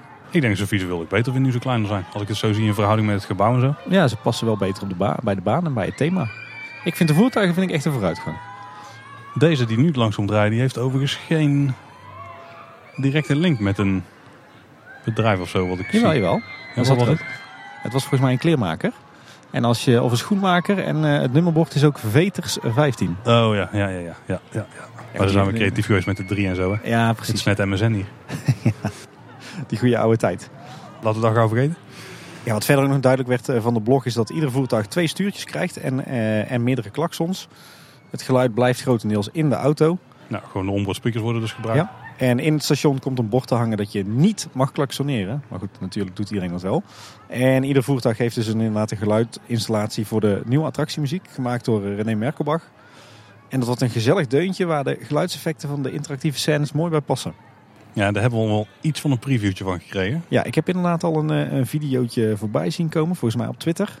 Maar dat was een beetje country muziek leek het wel. Ja, dat leek het een beetje op, ja. Ik had ineens het gevoel dat eh, we in Frontierland eh, terecht waren gekomen. het, klonk, het klonk niet direct Eftelings inderdaad. Maar het kan nog wel Eftelings worden. Ooit. ja, Als nou, we ik, heel erg gewend raken. Denk ik, moet, ik moet zeggen, ik ben heel blij met deze onderhoudsbeurt. Eh, en ook heel blij dat de tuffers niet verdwijnen, maar dat ze echt nieuw leven wordt ingeblazen. Die voertuigen vind ik ook echt top. Maar sommige dingen vind ik toch wel een beetje op het randje hoor. Net als inderdaad die nummerborden met die geintjes en dan goed die benamingen van, die, van, van de tuffers en dan dat country muziekje. Het wordt allemaal wel een klein beetje slapstick. Het had van mij ook net wat serieuzer gemogen. Ja, die muziek moeten we nog even afwachten. hoor. Misschien als je erin zit dadelijk, dan valt het allemaal mee. Ja, misschien dat het gitaartje nu heel erg eruit kwam. Maar als je straks in het voertuig zit, dat het meer op de achtergrond zit. hè? Ja. Ik weet het niet. Maar moet, dat, daar wil ik nog even het voordeel van de twijfel geven. Ja, nee, precies. Maar als het dan wel echt puur country is, dan, eh, ja, dan is het juist. Dan hadden ze net zo goed die koe ook neer kunnen zetten. Ja, precies. We hebben het overigens ook aan onze luisteraars gevraagd. Van wat vind je van de nieuwe oude Tuffer voertuigen ten opzichte van de oude voertuigen? Kregen we 266 stemmen op. En eh 50% vindt het een eh, verbetering, 26% vindt het vergelijkbaar en 24% een achteruitgang. Dus ja, precies de helft vindt het een verbetering. is toch meer positief dan ik had verwacht als je er vooral de reacties las. Ja, inderdaad. En wat me ook op was gevallen, was een filmpje op Twitter van een rookeffect wat er nou is geïnstalleerd. Ja, bij die blauwe oude Tuffer, hè, die, eh die, daar fungeert met als staat. Ja, precies. Dat zag er wel heel gaaf uit, moet ik zeggen hoor. Ik weet niet of dit het uiteindelijk effect is, want er kwam er heel veel rook bij kijken. Dus ik kan me voorstellen dat ik dit even was van eh Misschien wat iets op standje Ja. 25. En dan straks eens even terugschroeven om te kijken hoe het er in het echt uit gaat zien. Maar het- je ziet het in ieder geval wel. Ja, Het is anders dan een ander rookeffect waar we het daar even over gaan hebben. Denk ik. Inderdaad. Nee, ja, dus goed, hier gaat het denk ik de goede kant op als je het zo ziet. Eh, want de voertuigen die zijn al best wel eh, een, een aardig aantal dagen vrijwel non-stop aan het rijden. Ehm, ja, en volgens mij zitten ze nu echt in de afwerkfase. Hè? Ja, ik denk het wel. Ja, dat moet ook wel, want over acht dagen gaat het open. Ja. En als je dit hoort, dan is het nog maar vijf dagen Ja, wachten. precies. Vijf nachtjes. Ik, eh, ik ben voorlopig positief gestemd. Ik ook. Ik heb wel zin om een rondje te maken. Ja, precies. Mis- Misschien moeten we dan, als we een rondje gemaakt hebben, ons eindoordeel eh, geven. Dat moet sowieso. Hè. Moeten we even mee wachten tot het helemaal klaar is. Precies. Even later. Hey. We zijn aan het opnemen, Tim. Dat is weer meer Oud-Holland. Ja. Zouden ze ook verschillende muziek hebben? Er staat overigens echt super slecht helemaal niet op de band, denk ik. En toen Maar we liepen net weg bij de oude tuffers en er kwam er eentje voorbij met muziek. Met muziek inderdaad. En niet die country muziek zoals we die eh, op eh, Twitter hebben gehoord. Nee, dit leek meer een beetje Oud-Hollandse muziek. Ja, ik vond dit eigenlijk wel fraaier. Ja, meer passend bij, eh, bij de uitstraling. Dus we moeten even afwachten wat nou gaat worden. Zou het misschien een nieuwe versie zijn of zou het gewoon een, eh, een ander deel van het loopje zijn? Dat zou kunnen. Of ze hebben verschillende muziek per voertuig. Maar dat lijkt me wel heel sterk, want dat is heel veel werk. Misschien is het gewoon een wat langere loop. Die meer dan Ja. één rondje duurt. Dit klonk in ieder geval een stuk minder eh, slapstick dan eh, wat, eh, wat we eerst hoorden. Oeh, één keer weer een stuk positiever gestemd. dat gaat snel. Dat scheelt een hoop, ja. We zijn snel tevreden. Hey, gaan we nou ook weer terug naar het reizenrijk lopen, Paul? Nee, dat lijkt me niet verstandig voor, de opnameplanning. Nee, precies. Eh, want er is nog meer nieuws. Van de, het grote onderhoud aan Carnaval Festival. De andere attractie die, eh, die eh, best wel lang gesloten is het voorjaar. Daar zien we natuurlijk weinig. want dat speelt zich allemaal binnen af, dat onderhoud. Of in ieder geval voor het overgrote deel. Maar pas geleden was er een, ook weer een update via de Efteling blog. ehm, waar we toch weer een aantal nieuwe dingen te weten zijn gekomen. Ja, er worden inderdaad motors vervangen. 19 boostermotoren. Ik denk dat ze dat gewoon allemaal zijn. Dat lijkt mij wel, ja. Die drijven de voertuigen aan. De attractie wordt volledig opnieuw geprogrammeerd. De besturing van de gondels, de beweging van de poppen en het licht en geluid wordt aangepakt. Eh, verder geven ze aan dat doordat alle verlichting wordt vervangen door LED, hoeft de attractie in de zomer niet meer extra gekoeld te worden. Dus waarschijnlijk dat het daarom ook niet nodig is om eh, hele grote aanpassingen te doen aan de klimaatinstallatie. Heel Of aan het dak.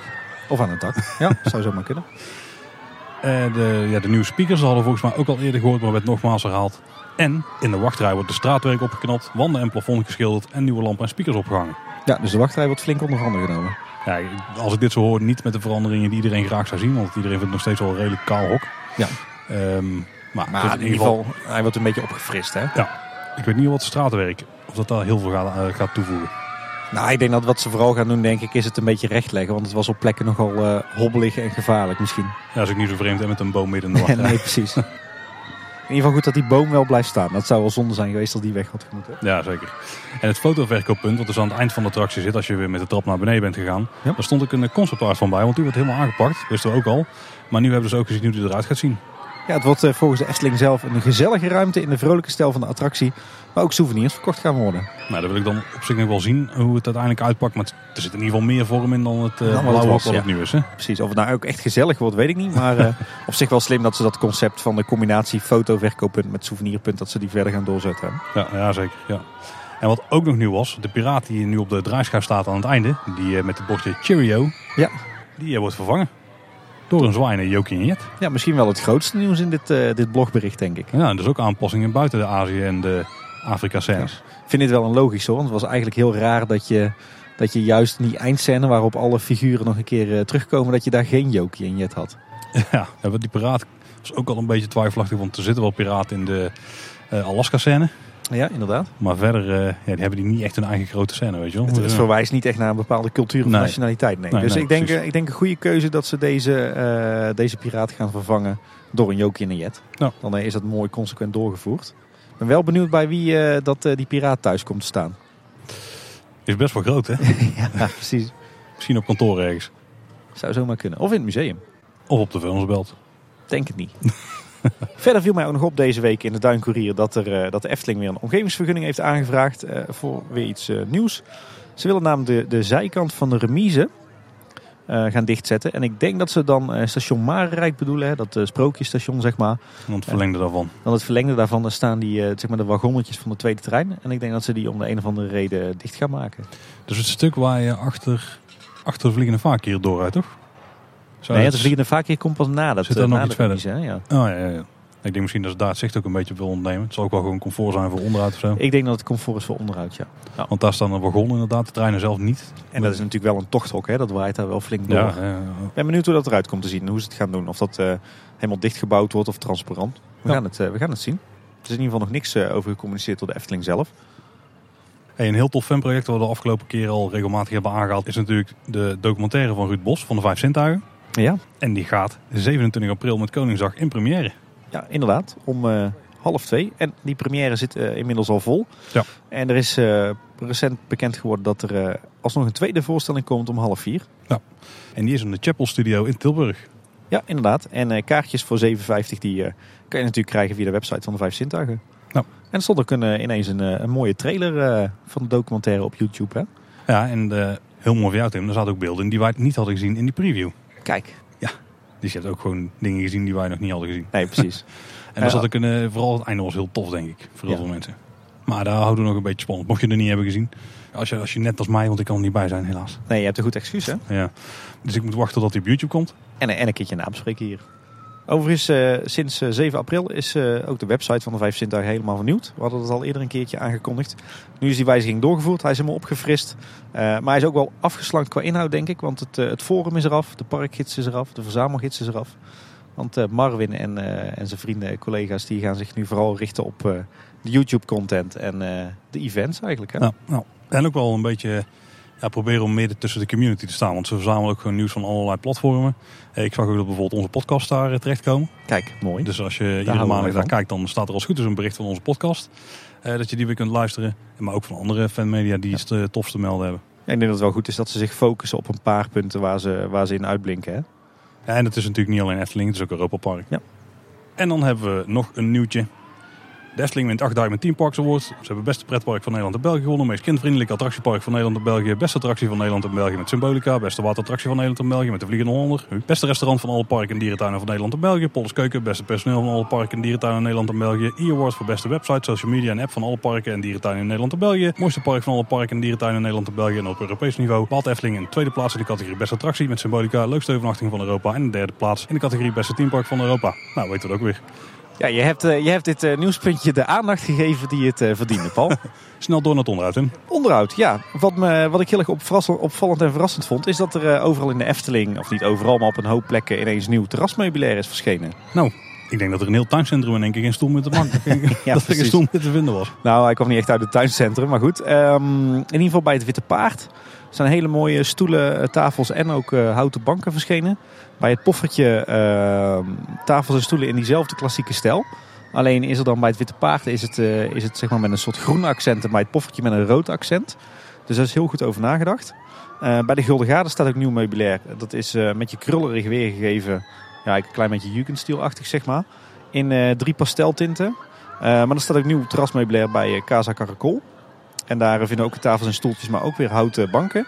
In allerlei frisse pasteltinten. En ook bij eh, Panorama à la carte is eh, binnen een nieuw meubilair eh, verschenen. Vergelijkbaar met dat in de self-service, maar dan minder fel gekleurd en afgewisseld met bankjes. En allemaal dus afgestemd op de plek waar het staat. Allemaal thematisch, ja. Ja, dat vond ik wel een hele positieve verrassing. Wat ik ook verrassend vond, is dat het, eh, het meubilair niet meer van eh Vervoort is. Dat is een, volgens mij echt decennia lang huisleverancier geweest van de Efteling, bedrijf uit Goorlen. Maar dat, eh, die zijn er nu eh, blijkbaar, eh, die hebben de avondsteden niet gewonnen. Want het is nu van een ander bedrijf en dat heet Satelliet. En die maken echt high-end meubilair voor de horeca en voor terrassen. En dat is denk ik ook wel te zien, want ja, wat we al zeiden, het is echt helemaal afgestemd per locatie. Wat mij betreft een schitterende toevoeging.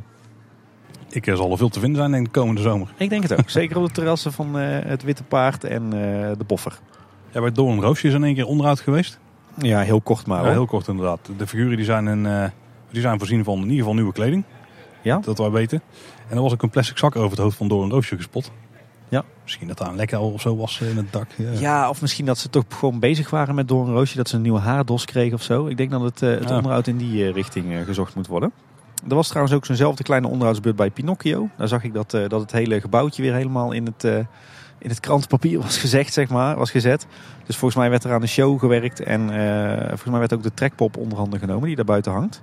Ik heb niks gezien eh, van een hengel die is teruggekeerd. Dus Nee, het blijft nog zo'n lange liggend ding hè. ja, Ik weet niet of het echt de moeite is om hem terug te laten keren. Maar het was wel een interactief element. Nou ja, misschien dat, ja, dat hoeft, niet- altijd Nee, te dat is zijn. ook weer zo.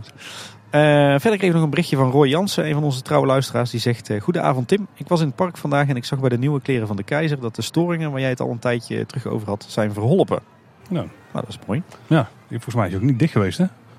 Nee, Misschien nee bij mij weten niet. Hm. Er waren ook allemaal een beetje bewegingsstoringen. Dus waarschijnlijk waren die eh, snel opgelost nadat de onderdelen waren besteld. Nou, er was nog een gerucht dat de Vrolijke Nood zou sluiten in week 15 voor een kleine verbouwing. Nou, het is nu week 15. Nou, het gerucht was er, was er ooit. Ja, ja. Maar we hebben in ieder geval niks gezien. De straat zitten wel te melden. En er zou een hele kleine verbouwing zijn. En er werd bij ook de mogelijkheid aangrepen om het eh, assortiment misschien te wijzigen. Dus ik hoop dan meteen dat die wokpannen weer terugkeren die we Ja. hebben gezien met de opening. Maar ja, Ja, ik ben hier op woensdag geweest. Jij op donderdag, wij samen op vrijdag. En ik ben net nog binnen geweest. Het is me niks opgevallen. Niks te zien, hè? Nee. Nee. Dus een beetje onduidelijk wat er nou gebeurd is. Nou. Overigens eh, zeggen interne bronnen wel dat de vestiging veel beter loopt dan eh, Laplace ooit had gedacht. Dat viel me in ieder geval net wel op. Hij zat wel echt helemaal tot de nok te vol. Ook buiten op het terras zaten mensen. Terwijl het Ja. niet super warm weer is of zo. Ja, ik ken ook heel veel mensen die, die niet per se Efteling-fan zijn, maar die wel abonnementhouder zijn. Die ook echt allemaal fan zijn van de, van de Vrolijke Noot. Oh nee, ik vind het vooral qua prijs niet heel interessant. Nou ja, ik, ik ben er ook geen, niet echt een fan van. Maar ja, wat ik zeg, veel, normale mensen tussen aanhalingstekens, die eh, normale abonnementhouders, die, eh, die zijn er toch zeer van gecharmeerd. Hm, Oké. Ik moet zeggen, de, het, het aanbod, de kwaliteit van het eten is vaak wel beter dan de Efteling, hoor ik al. Als je bijvoorbeeld naar de broodjes kijkt. Ja, dat kan ik me wel eens voorstellen. Ja, oké. Wat ik, dat heeft meer met het Laplace niveau te maken natuurlijk. wat ik wel begreep daar toen ik laatst aan de kassa stond om even wat drinken te halen, is dat er blijkbaar in het begin ook mogelijk het was om en Laplace korting te krijgen en Efteling korting met je abonnement. Maar dat kan niet meer sinds eh, een tijdje. Oké. Dus is nu, je moet kiezen volgens mij of, of de Laplace korting werkt helemaal niet meer. Ik weet niet precies hoe het werkt, want dat is dan zo'n loophole waar ik nooit gebruik van heb gemaakt. Maar Nee, en ik zag, ik zag van de week ook dat er ook A4'tjes ophingen en dat een of andere Efteling voucher er niet geldig was. Dus het is nog een beetje zoeken naar een, eh, een weg hoe inderdaad Laplace zich ten opzichte van de Efteling verhoudt. De Python is weer open. En de wachtrij is aangepast en die is eh, ja, weer een beetje netjes gemaakt. En ze hebben nu ook dus een poging gedaan, of in ieder geval ze hebben een eh, soort standby line gecreëerd. Maar hoe Ja. die precies werkt is nog niet helemaal duidelijk. Nou ja, wij hoopten er allemaal op dat die standby line gewoon fulltime gebruikt werd naast de boardingpasserij. Maar het lijkt er niet op. Het lijkt er nu op dat die ingang dus gemaakt is voor als de boardingpas niet in gebruik is. Nee, volgens mij is het wel zo dat ze wel tegelijkertijd gebruikt kunnen worden. Alleen is de boardingpas gewoon eh, eigenlijk sinds... Volgens mij ligt de boardingpas er al een tijdje uit en hebben ze daardoor niet echt kunnen gebruiken. Misschien ook omdat ze zijn gewisseld van eh, Van leverancier. leverancier, ja, zou kunnen. Ik ben benieuwd. Eh, ik zag Volgens mij is de standby line is de linkse ingang. En die gaat dan, eh ja, die gaat dan meanderen, zeg maar, in dat grote vak, hoe noemden wij het toen? De, de luchtplaats, hè? ja, de luchtplaats, ja. En dan heb je de middelste rij, dat is de boardingpasrij, die loopt er dan helemaal omheen. Aan de linkerkant van het heggetje wat zeg maar, daar weer naast de Singrider rij zit. Want dat is dan de meest rechtse rij. En die loopt weer helemaal om alles heen. En dan zou het idee zijn, zoals ik het had begrepen, dat ze mensen samenvoegen bij het einde van de meandering. Dus nog voordat je schuin omhoog loopt. Oké. Dus daar kom je dan tegelijkertijd in de rij te staan. Dus dat is wel een beetje vreemd. Je hebt tegenwoordig wel een universitaire studie nodig om hier in de rij te staan, moet ik zeggen. Ja, ja, het is niet heel makkelijk inderdaad. Ik had eigenlijk dus verwacht dat het gewoon tot bovenaan ongeveer samen zou lopen. En dat ze daar dan mensen bij elkaar Ja. zouden zetten. Ja, inderdaad. Want eigenlijk, ik denk dat het het beste werkt als je die twee rijen laat samenkomen echt vlak voor de ingang van het station. En dat je dan mensen gaat pre-seaten. Ja, Ja. precies. Ja. Ja. Het is een beetje, Oké. een beetje vreemd. Maar het is nog niet in gebruik genomen voor zover wij weten. Nee, viel mij trouwens ook op dat het, eh, het nieuwe bord met het eh, logo van de, de Python en eh, de slang zelf ook, dat die nu te smal is. Omdat die derde rij die valt er net Ja. buiten. Dus het ziet er een beetje knullig uit. Ik had wel begrepen weer uit een andere bron dat ze er toch iets aan wilden gaan doen. Dus daar moeten we even afwachten. Eh, bij de Piranha is natuurlijk ook het een en ander gebeurd aan de meandering. Eh, er is daar nu, zijn er nu bussen in de grond aangebracht waar ze een tijdelijke rij eh, kunnen aanbrengen eh, als het wat drukker is. Dat heb ik ook al een paar keer in gebruik gezien. Ziet er eh, heel vrij uit. Mhm. Alleen het attractiebord staat er dan nu wel een beetje midden op het plein. Het ziet er een beetje gek uit. Maar op zich wel heel goed dat ze daar eh, ja, nu kunnen bijspringen met een, eh, een extra demontabele wachtrij. En we kregen nog een melding van een luisteraar. Dat er een beetje schilderwerk geweest zou zijn bij het Carouselpaleis. Daar kunnen we niet zo heel veel van zien. Nou ja, ik ben er eh, daarna dus gaan kijken. eh, omdat ik toch toevallig daar in de buurt was. Maar ik heb niet het idee dat er echt iets gebeurd is. Want eh, een, een heel groot deel van de gevel is toch nog in niet al te beste staat. Je ziet overal dat met name daar waar het hout af en toe nat wordt, dat het toch vrij ver verrot is. Dus Hm. ik verwacht ergens binnen nu en een, en een jaar wel groot onderhoud voor het schilderwerk. Maar ik kon nu niks ontdekken. Dus waar die man met de verfpot en kwast naartoe onderweg was, niemand weet het meer. Hmm. Nou, bij Ravelijn is groot onderhoud geweest. Vanaf 6 april was hij weer open. En ik eh, merkte per ongeluk dat ik in de eerste show na de opening terecht was gekomen. Echt waar? Ik was er eh, niet echt bewust van toen ik daar naar binnen liep. Maar toen zat ik daar en toen dacht ik van, wacht even. Volgens mij is dit, ja, dit, is, dit is 6 april en het was 12 uur. Het was de eerste show van het eh, seizoen. Ik, was, ik was erbij. hey, en je, terwijl jij helemaal niet zo'n grote fan bent van Ravelijn. Ja, maar de, de oudste die wou graag. Zo ja. gaat daar word je meegesleept. Ja, de excuus heb ik ook gebruikt. Ik ben er inmiddels ook een keer in geweest. Er zijn een aantal dingen die wel opvielen. Ja. Eh, ze, ze hebben de gevels opgeknapt en de tribunes opgefrist. Zeggen ze. Nou, dat is ook wel gebeurd hoor. Ja, de gevels opgeknapt wel. Ja, dat kon ik wel zien. Het schilderwerk was wel, eh, was wel te zien dat dat vers was. Ja, inderdaad. Ik vind sowieso, het eh, is wel heel goed gebeurd hoor. Want de gevels zagen er echt identiek uit met de oude situatie. En je kon aan één geveltje kon je nog zien dat het, dat het dus was opgeknapt. Namelijk het geveltje bij het waterrad aan de kant van het wapen van Ravelijn. Dat was namelijk nog niet ingeschaduwd afgelopen weekend. Oh. Nou, ik bedoel eigenlijk vooral dat de tribunes opgefrist. Daar heb ik weinig van gemerkt. Nou, ik denk wat ik heb, ik heb er ook even naar gekeken. Ik denk dat ze even met de hoge drukspuit eroverheen zijn gegaan. En even wat betonreparaties hebben gedaan. Letterlijk opgefrist met wel water. Ja, Ja. dat kan het inderdaad ook. Er stond overigens ook op de blog dat ze het showdoek zouden hebben vernieuwd. Maar dat was niet het geval. Het is steeds het oude doek. Dat moet misschien nog gaan gebeuren dan.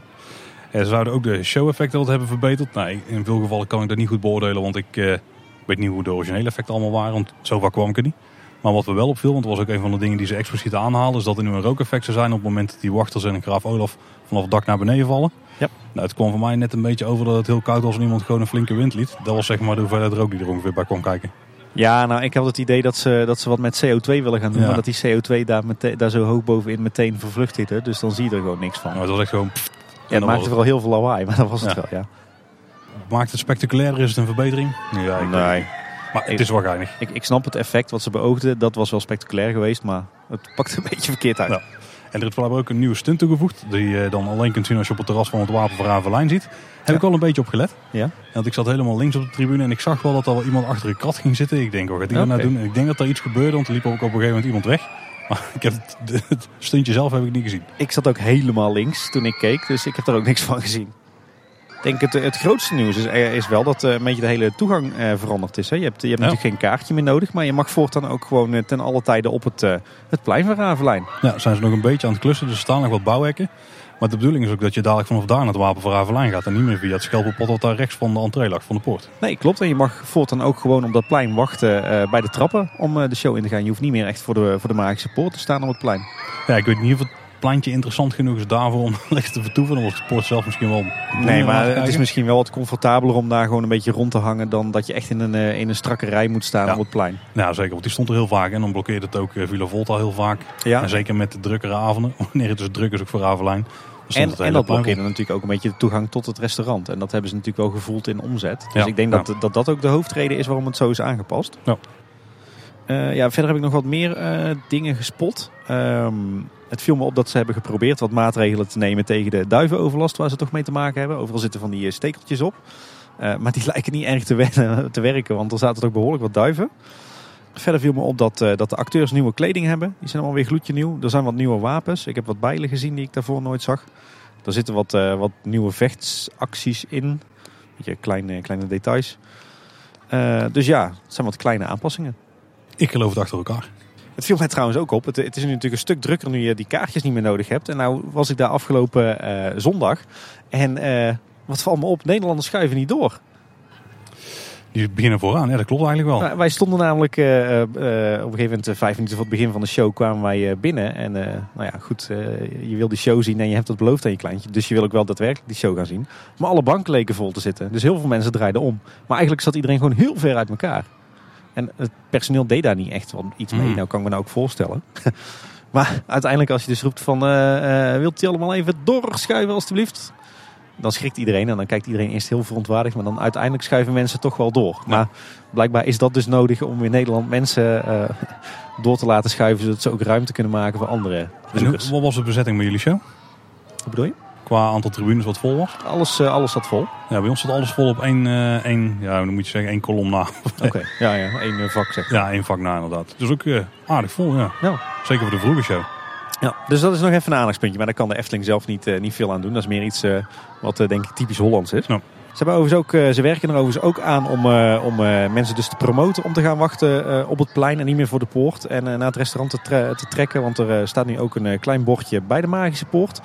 Eh, die dat aangeeft. En op het plein zelf hangen grote banieren die eh, ver- verwijzen naar het restaurant eh, Wapen van Ravelijn. Ja, ziet er best wel aardig uit, hè? Ziet er mooi Ja. uit, vind het fraai. Ja. En bij de Indische waterlelies zijn ze ook nog steeds bezig met de uitgang. Daar, ja, daar hebben ze allemaal staaldraad aangebracht om rotsen te maken. Dus er wordt een beetje dezelfde constructie als bij eh Roodkapje. Ja. Het lijkt niet hard te gaan, maar ze zijn wel nog steeds bezig. Dus ik denk dat ze buiten zijn begonnen en naar binnen aan het werken zijn. En dat ze dan dadelijk gaas gaan aanbrengen, daar weer spuitbeton op en dan weer vormen. En dan, ja, ik denk over een Ja. week of nou, binnen een maand zou het toch wel heel klaar moeten kunnen zijn. Ik ben heel benieuwd naar het resultaat. Ja, ik ben ook benieuwd in hoeverre ze echt binnen nog in de attractie iets gaan doen. Want dit lijkt vooral, eh, ik noem net binnen, maar dat bedoel ik dus het overdekte stuk van de uitgang, zeg maar. Ja, tot precies. en met de deuren. Ja, ze hebben wel inspectieluikjes gemaakt, ook in het rotswerk eh, binnen en aan, de- aan het voorplein. Hè. Misschien volgt dat later. Ja, maar, precies. Eh, eh, verder viel mij op dat er her en der nog wat nieuwe bomen zijn bijgeplant. Er staat er bijvoorbeeld eentje bij het gebraad. En er is er ook een dennenboom neergezet naast Lots Kraamhuis. Ja, en de bestrating bij de lavelaar, die zijn ze aan het aanpassen. En dan vooral van het pleintje in het begin. Ja, dit, dit Ja. is niet een van de meest geslaagde projecten tot nu toe, lijkt het. Nee, ik moet zeggen dat ik hier best wel van schrok. Eh, het lavelaar, ja, wat, wat daar lag, was echt van die, eh, van die hele oude, gemeleerde, gebakken bestratingen in allerlei tinten. Een beetje schots en scheef. Eh, nou kan ik me voorstellen dat dat niet heel fijn is voor rolstoelers en kinderwagens. Maar ze, ze lijken het er nu volledig uit te scheppen, af te voeren en een of andere moderne, rode, strakke gebakken klinker in te leggen. Ja, die is een beetje hetzelfde wat ze gebruiken voor het metselwerk van de zes zwanen, zeg maar. Ja, Bijna. ja weet je, knalrooie, strakke klinker. Ja, ik, kijk, ik snap dat mensen denken van, joh, wat boeit dat straatwerk nou? Maar ik ben van mening dat ook je straatwerk wel degelijk van groot belang is eh, voor je landscaping en voor je teaming. Ja, en dit is gewoon echt wel een, een blunder hoor. Ik bedoel, je, het lavelaar ziet er juist een beetje grillig en oud en, en schots en scheef uit. Dat zie je ook aan alle huisjes. Ja, dan moet je straatwerk moet ook dat, dat ruige, robuuste eh, uiterlijk hebben. En dan moet je daar niet ineens zo'n eh, zo'n strak eh, rood vloertje in knallen. Ja, dat was wel een gulden middenweg geweest, denk ik. En die lijken ze nou niet gepakt hebben. Want kijk naar het straatwerk hier. Ja. Ligt er strak in, maar het heeft wel een beetje zo'n ouderwets uitstraling. En dat past wel Precies. veel beter bij het lavelaar. Precies, en volgens mij was je ook al een heel eind geweest als je gewoon de oude klinkers had gepakt en die gewoon netjes had herstraat. Ja.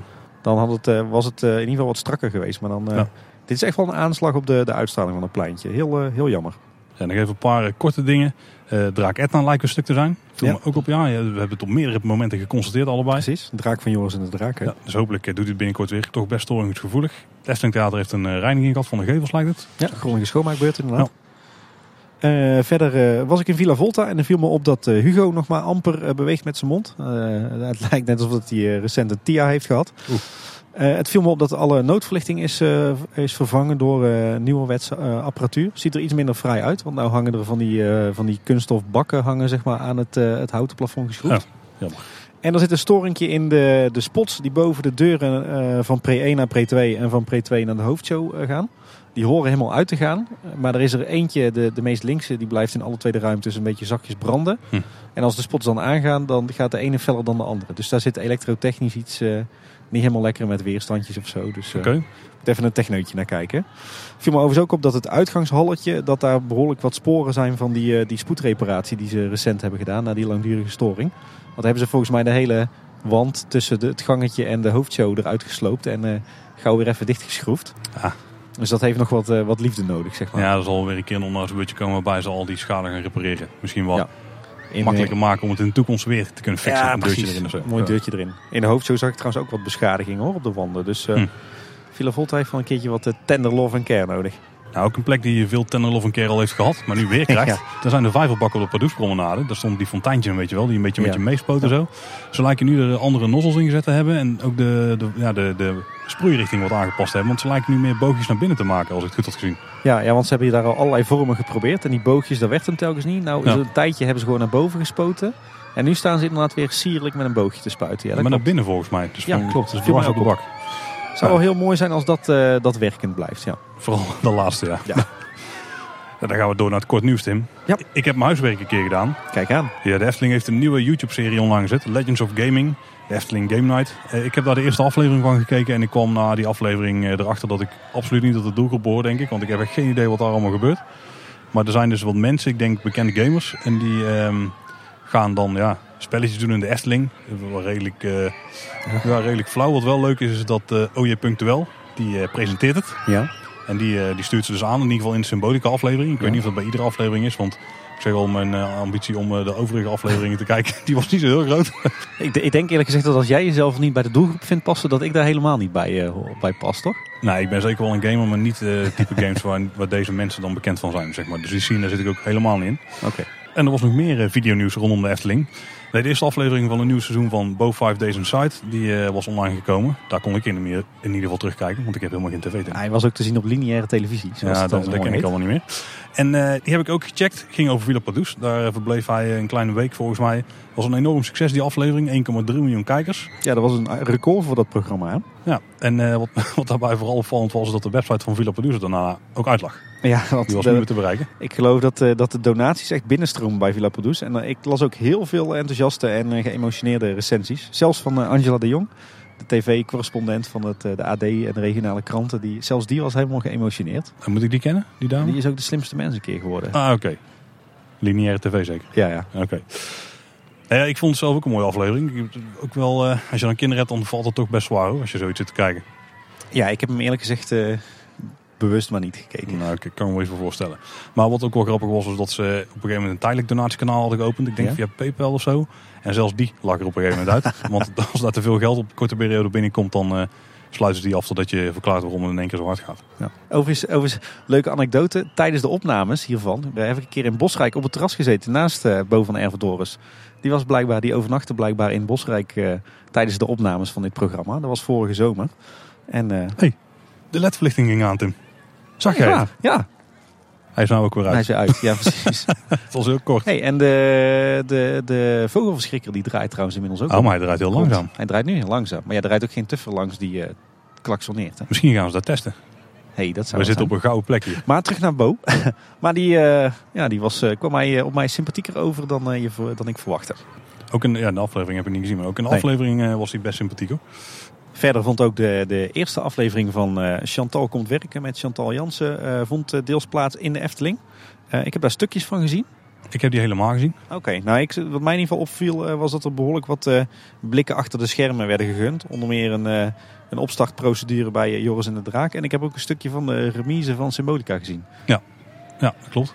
Verder was het een best wel flauwe aflevering zo. Ja, ik had Ook er wel voor gewaarschuwd. Ja, hè, toch? precies. Maar ik moet zeggen dat wel eh, de mensen die daar eh, vanuit de Efteling mee gemoeid waren, waren hele sympathieke mensen. Ja. Dus eh, die hebben zich echt gewoon van een goede kant laten zien. Dat was wel heel tof. Ja, mijn bezwaar was ook altijd met Chantal Jansen. Die komt op eerste opzicht komt hij dan heel sympathiek en leuk en frivol over. Maar terwijl eigenlijk is ze stiekem heel cynisch. En loopt ze ook, maakt ze mensen altijd een beetje belachelijk zonder dat ze het zelf doorhebben. Nou, dat viel in dit geval wel mee. Dat deze best goed dan. Misschien is dat mijn aversie Nee, tegen Chantal Jansen. daar gaan ze weer aan, Tim. De ledverlichting. En dan gaat hij weer uit. Zag je hem nou ook? Ze doen, volgens mij zitten ze ons gewoon te pesten. Ik denk, ik denk het ook zo terwijl je zit op te nemen Ja. natuurlijk. Terug naar het korte nieuws, Paul. Ja. Eh, goed nieuws, want vanaf 30 maart kun je bij alle snackluikjes van de Steenbok eh, contactloos betalen. En jij noemt dit goed nieuws? Nou ja, niet voor mijn gewichten en voor mijn portemonnee. Maakt Want wel heel makkelijk, hè? ja, die, die, dat gepast betalen met muntjes, dat was toch altijd wel een soort natuurlijke barrière. Maar die is nu al echt finaal weggenomen. En eh, de Efteling Webcare die is vanaf maandag 1 april ook bereikbaar via WhatsApp. En daar gaat om op pilot. Ja, heb je het al geprobeerd? Nee, ik heb ook geen enkele reden om contact met hen op te nemen, want wij weten natuurlijk alles zelf. Wel veel, toch?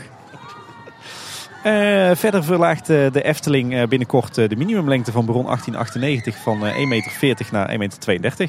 Hoorden wij vanuit verschillende bronnen. Het is niet bevestigd door de Efteling zelf. En het lijkt overigens ook niet om die, die big boy seats te gaan die in het midden zitten. Ah. Dus het gaat alleen om de, de stoel aan de buitenkant. Ja, precies. maar op zich logisch. Is trouwens in lijn volgens mij met meerdere eh, attractieparken in Europa. Nou, als bij eh, Toverland, hè? over achtbanen gesproken, van een insider kregen we te horen dat, eh, dat sinds enkele weken bij Joris en de Draak de vrijgaveknoppen eh, blijvend ingedrukt moeten worden houden. als de trein het station verlaat. Door zowel de operator bovenin zeg maar, als de perronmedewerkers. Tot de volgende trein in het station stilstaat. Zo. Eigenlijk een soort van eh ja, dodemansknop. Hè? Een soort Ja. fail-safe eh, oplossing. Dit is bij Baron 1898, toch? Dan moet Ja, dat is bij Baron 1898. Klopt, ja. ja. En bij Joris en de Draak zijn ook nieuwe bordjes eh, verschenen. eh, die erop wijzen dat je je bagage tijdens de rit moet meenemen. En dat je losse voorwerpen moet veiligstellen. En Hm. dat eh, zag er allemaal heel fraai in thema uit. En was ook viertalig. En weer ging het verder. We zijn inmiddels weer een klein stukje verplaatst, want het ging regenen. Eh, terug naar het korte nieuws. Het eh, viel mij op dat er ook weer een interessante vacature verscheen. Voor eh, monteur facilitair onderhoud en services. Eh, en wat, wat was daar nou vooral interessant aan? Ik las daarin dat er blijkbaar dus ook voortaan een afdeling onderhoud en service verblijf is. En dat is eigenlijk dezelfde afdeling als die de Business Unit Park heeft. Maar de Business Unit Verblijf heeft dan voortaan zijn eigen afdeling. Dat klinkt op zich wel logisch. Ja, alleen vraag ik me af in hoeverre dat het nou heel erg logisch en efficiënt is om binnen één bedrijf twee aparte technische afdelingen te hebben. Misschien zijn het vooral specialisten die ook een beetje uitgewisseld kunnen worden. Ja, nou, ik, eh, zoals eerder gezegd kan ik me eigenlijk niet zo goed voorstellen dat, eh, waarom dat dit gebeurt eh, en, en of dit nou echt meerwaarde heeft. Het lijkt me in ieder geval niet goed voor de, voor de, voor de efficiëntie, maar ook niet denk ik voor het vasthouden van, van vakmensen en kwaliteit. Want ja, je gaat toch allemaal losse eilandjes creëren die... ja, het komt de samenwerking volgens mij ook niet echt ten goede. Maar goed, wij zijn geen organisatiedeskundigen. afdeling bestaat overigens uit eh, tien eh, medewerkers. Oh, dat is Die veel. zich bezighouden met eh, al het, het onderhoud in de verblijfsaccommodaties. We kregen een tip van Team Park Fan op Twitter dat er op Google Maps, als je het meest inzoomt op de Efteling, dat je dan nieuwe foto's kunt zien. En die zijn best recent, want Symbolica staat er ook compleet op. En als je goed oplet, dan zie je dat de Stenen Brug, zoals Ja. wij inmiddels weten dat die heet, Ja. dat die is ingepakt. Dus het was gemaakt op het moment dat 10 onderuit was. Het was net na de zomer volgens mij. Ja, volgens mij ook. Dus er zijn heel recente foto's. Ja, ik heb het zelf niet kunnen zien, want bij mij doet hij het niet op de een of andere manier. Ja, dan niet bij iedereen inderdaad. Maar er zijn zeker nieuwe foto's. Ik heb ze gezien. Ik heb er een paar screenshots van op Twitter gezet. Ja, die heb ik gezien. Ook Aquanura en onderhoud, hè? Ja, Aquanura en onderhoud inderdaad. Dat viel ook op. Dus eh, ik vond het tof. Python staat er goed op. Nieuwe Python ook. Ja, verder viel me op dat er ook een eh, nieuwe baby- en kinderlijn is van eh Jokie en Jet. Voor de jongens is er allerlei kleding met het Mexicaantje. En voor de, voor de meisjes met de boerin. En de, de oude lijn is ondertussen in de uitverkoop. Dat was niet heel goed voor mijn portemonnee, kan ik je zeggen.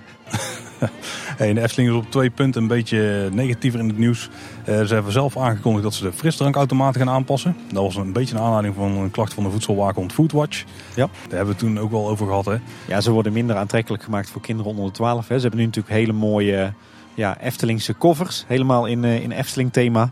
En eh, ja, ik denk dat dat dus eraf gaat. En dat we daar een eh, wat, wat meer ingetogenere cover krijgen of zo. Of die vogelverschrikker misschien. Ja, Die, dat eh, zou ook nog kunnen. Daar rent iedereen jankend weg. Overigens moesten, ze, moest de Efteling vanuit de EU-pledge, zoals dat, eh, dat orgaan heet van de, van de Europese Unie, moesten ze eigenlijk alleen de frisdrankautomaten buiten de poort eh, aanpassen. Omdat ja, het recht schijnbaar alleen gaat over eh uiting in de openbare ruimte. Mhm.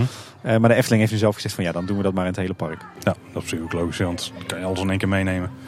Maar het hotel, de hotelkamer, de Coca-Cola hotelkamer, die blijft wel gewoon staan. Ja, precies. Daar is over bewust. geoordeeld dat dat ook niet, eh, ja, niet problematisch is. En het andere puntje is dat dierenactivisten een beetje boos waren op de Efteling. Er kwam in één keer eigenlijk uit het niets, want de wachter van vuur, dus die, het paard zeg maar met de brandende deken achterop, Ja. daar was wel over te doen. eh, begon op Twitter volgens mij, een Partij van de Dieren. eh, ja, volgens mij een Kamerlid of Ja, zo. Ja. ook. Ehm, gebeurt natuurlijk al jaren, die eh, stunt. ja, En ik denk dat die voor het paard volledig veilig is.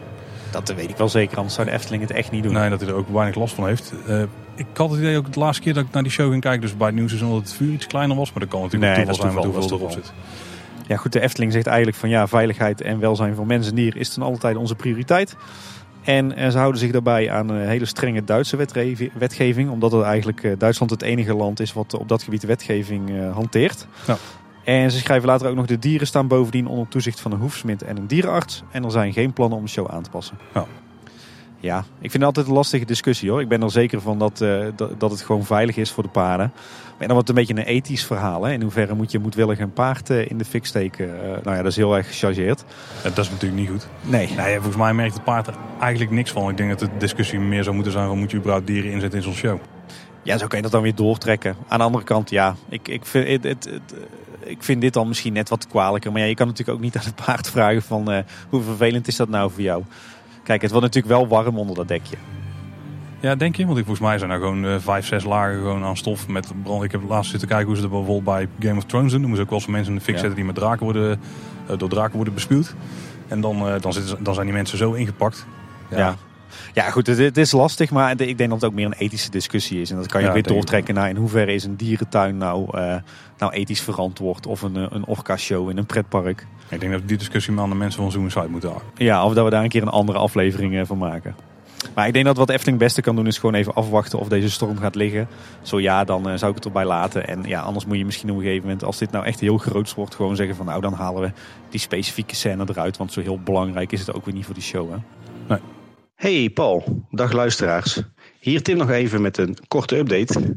Eh, op het moment dat wij deze aflevering opnamen, op, eh, in de late vrijdagmiddag, was er eigenlijk nog niet heel veel ophef rond eh, het vuurpaard in Ravelijn. Buiten dan wat kamervragen die gesteld gingen worden en wat ophef op social media.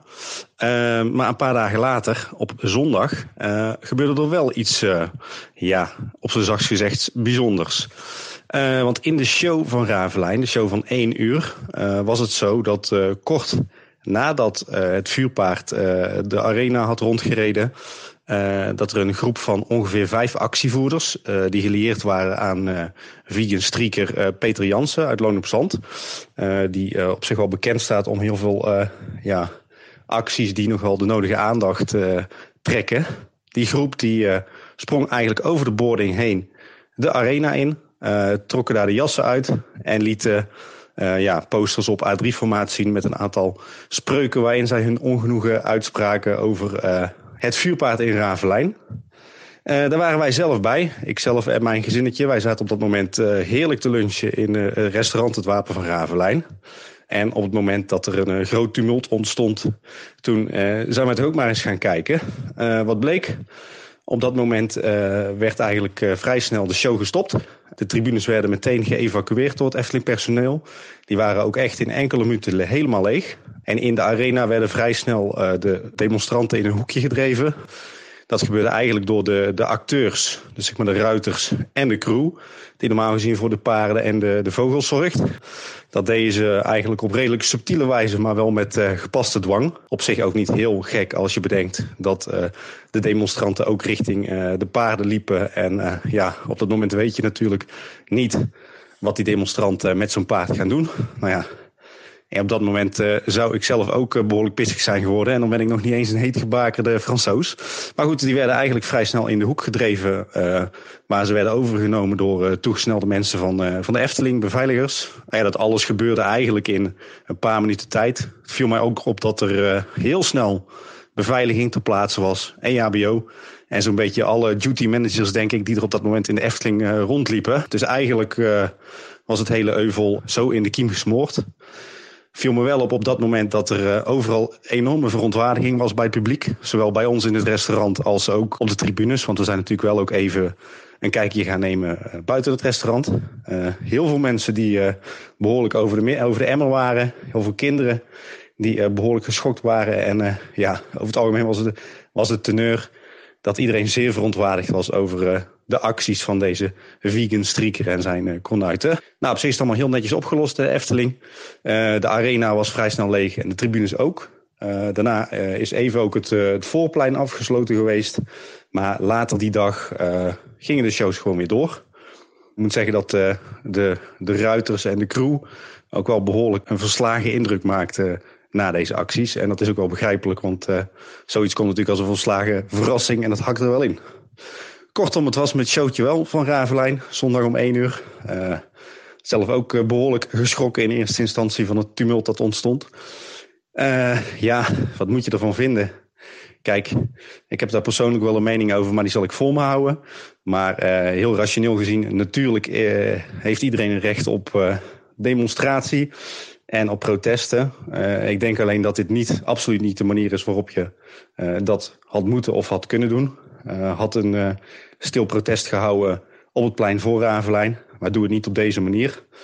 Want je brengt niet alleen jezelf als actievoerder enorm in gevaar door je tussen de paarden en de acteurs en de effecten te begeven. Maar ook alle acteurs die in de arena werken, de paarden en je doet het publiek natuurlijk ook wat aan, want het zorgt uh, toch wel voor heel veel uh, teleurstelling, uh, nare gevoelens, misschien paniek bij mensen. Dus ja, ik denk dat we het er met elkaar wel over eens kunnen zijn dat dit een zeer verwerpelijke actie is. En ook heel gevaarlijk en absoluut niet goed te keuren. Nou goed, zelf hebben we er ook verslag over gedaan op onze Twitter. Die kan je vinden op @kboodschap. Tweets gingen er wel uit in the heat of the moment. Het zijn misschien niet allemaal uh, mooie volzinnen, maar je krijgt wel een, uh, een indruk van de sfeer op dat moment. Nou goed, tot zover deze korte update. Terug naar de Efteling voor de afronding van deze nieuwsaflevering. Nou, dat was hij dan weer voor deze week, Tim. Ja, was weer een hoop nieuws, hè? Zo, we hebben, ook, uh, we hebben moeite moeten doen om er doorheen te komen in alle tijd die we hadden. ja, precies. We zijn ondertussen ook verschillende keren verplaatst. Dus we hebben ongeveer de hele Efteling gezien nu. Ja, en we zijn nog uh, Erwin tegengekomen ja, vanochtend in Pretparkland. Was plezant. Dus we moesten tussendoor nog even kletsen. Ja, heb je nog vragen, opmerkingen of uh, ja, wil je gewoon iets kwijt aan ons? Dat kan natuurlijk op heel veel verschillende manieren. We hebben een account op Twitter, daar zijn we Edka Boodschap. Dan kun je ons tweeten en dan kun je ook een, een direct message sturen als je het iets meer onder water wil doen. Uh, je kunt ons natuurlijk bereiken via Instagram en Facebook. Daar zijn we Kleine Boodschap. En we hebben ook een website. Kleineboodschap.com. En dan hebben we een contactformuliertje, maar we hebben natuurlijk ook gewoon een e-mailadres waar je ons eh, op kunt bereiken. En is info.kleineboodschap.com. Ja, oftewel volop manieren om ons uh, te bereiken. En we lezen het allemaal en uh, we gaan nog een keer tijd maken om er ook wat mee te doen. Want we hebben weer heel veel leuke vragen, voice clips, reacties. Maar ja, daar moeten we een keer goed voor gaan zitten. Precies. En nog één keer herhalen. Als je een keer mee wil maken hoe zo'n aflevering nou wordt opgenomen. Kleine Boodschap 100, dan kun je er meemaken. Dus ga naar kleineboodschap.com slash 100. En daar kun je het allemaal... Uh, dan kun je een beetje zien ook wat, het, wat de plannen zijn. Ja. En dan kun je inschrijven en dan vergeet niet om je e-mail te bevestigen. Want ik heb dus gezien dat er ongeveer een stuk of 8, 9 mails uitstaan met bevestigingen die niet uh, hmm. bevestigd zijn. Oké. Okay. Nou, en één, één ding is zeker, tijdens die aflevering, de vragen die je dan stelt, die worden wel beantwoord. En direct, ja. En direct, ja. Tot de volgende keer en houdoe. Houdoe. Dat veranderde gauw. Ja, precies. We, we krijgen inmiddels op het publiek. Nee, is geen radio. Is geen radio.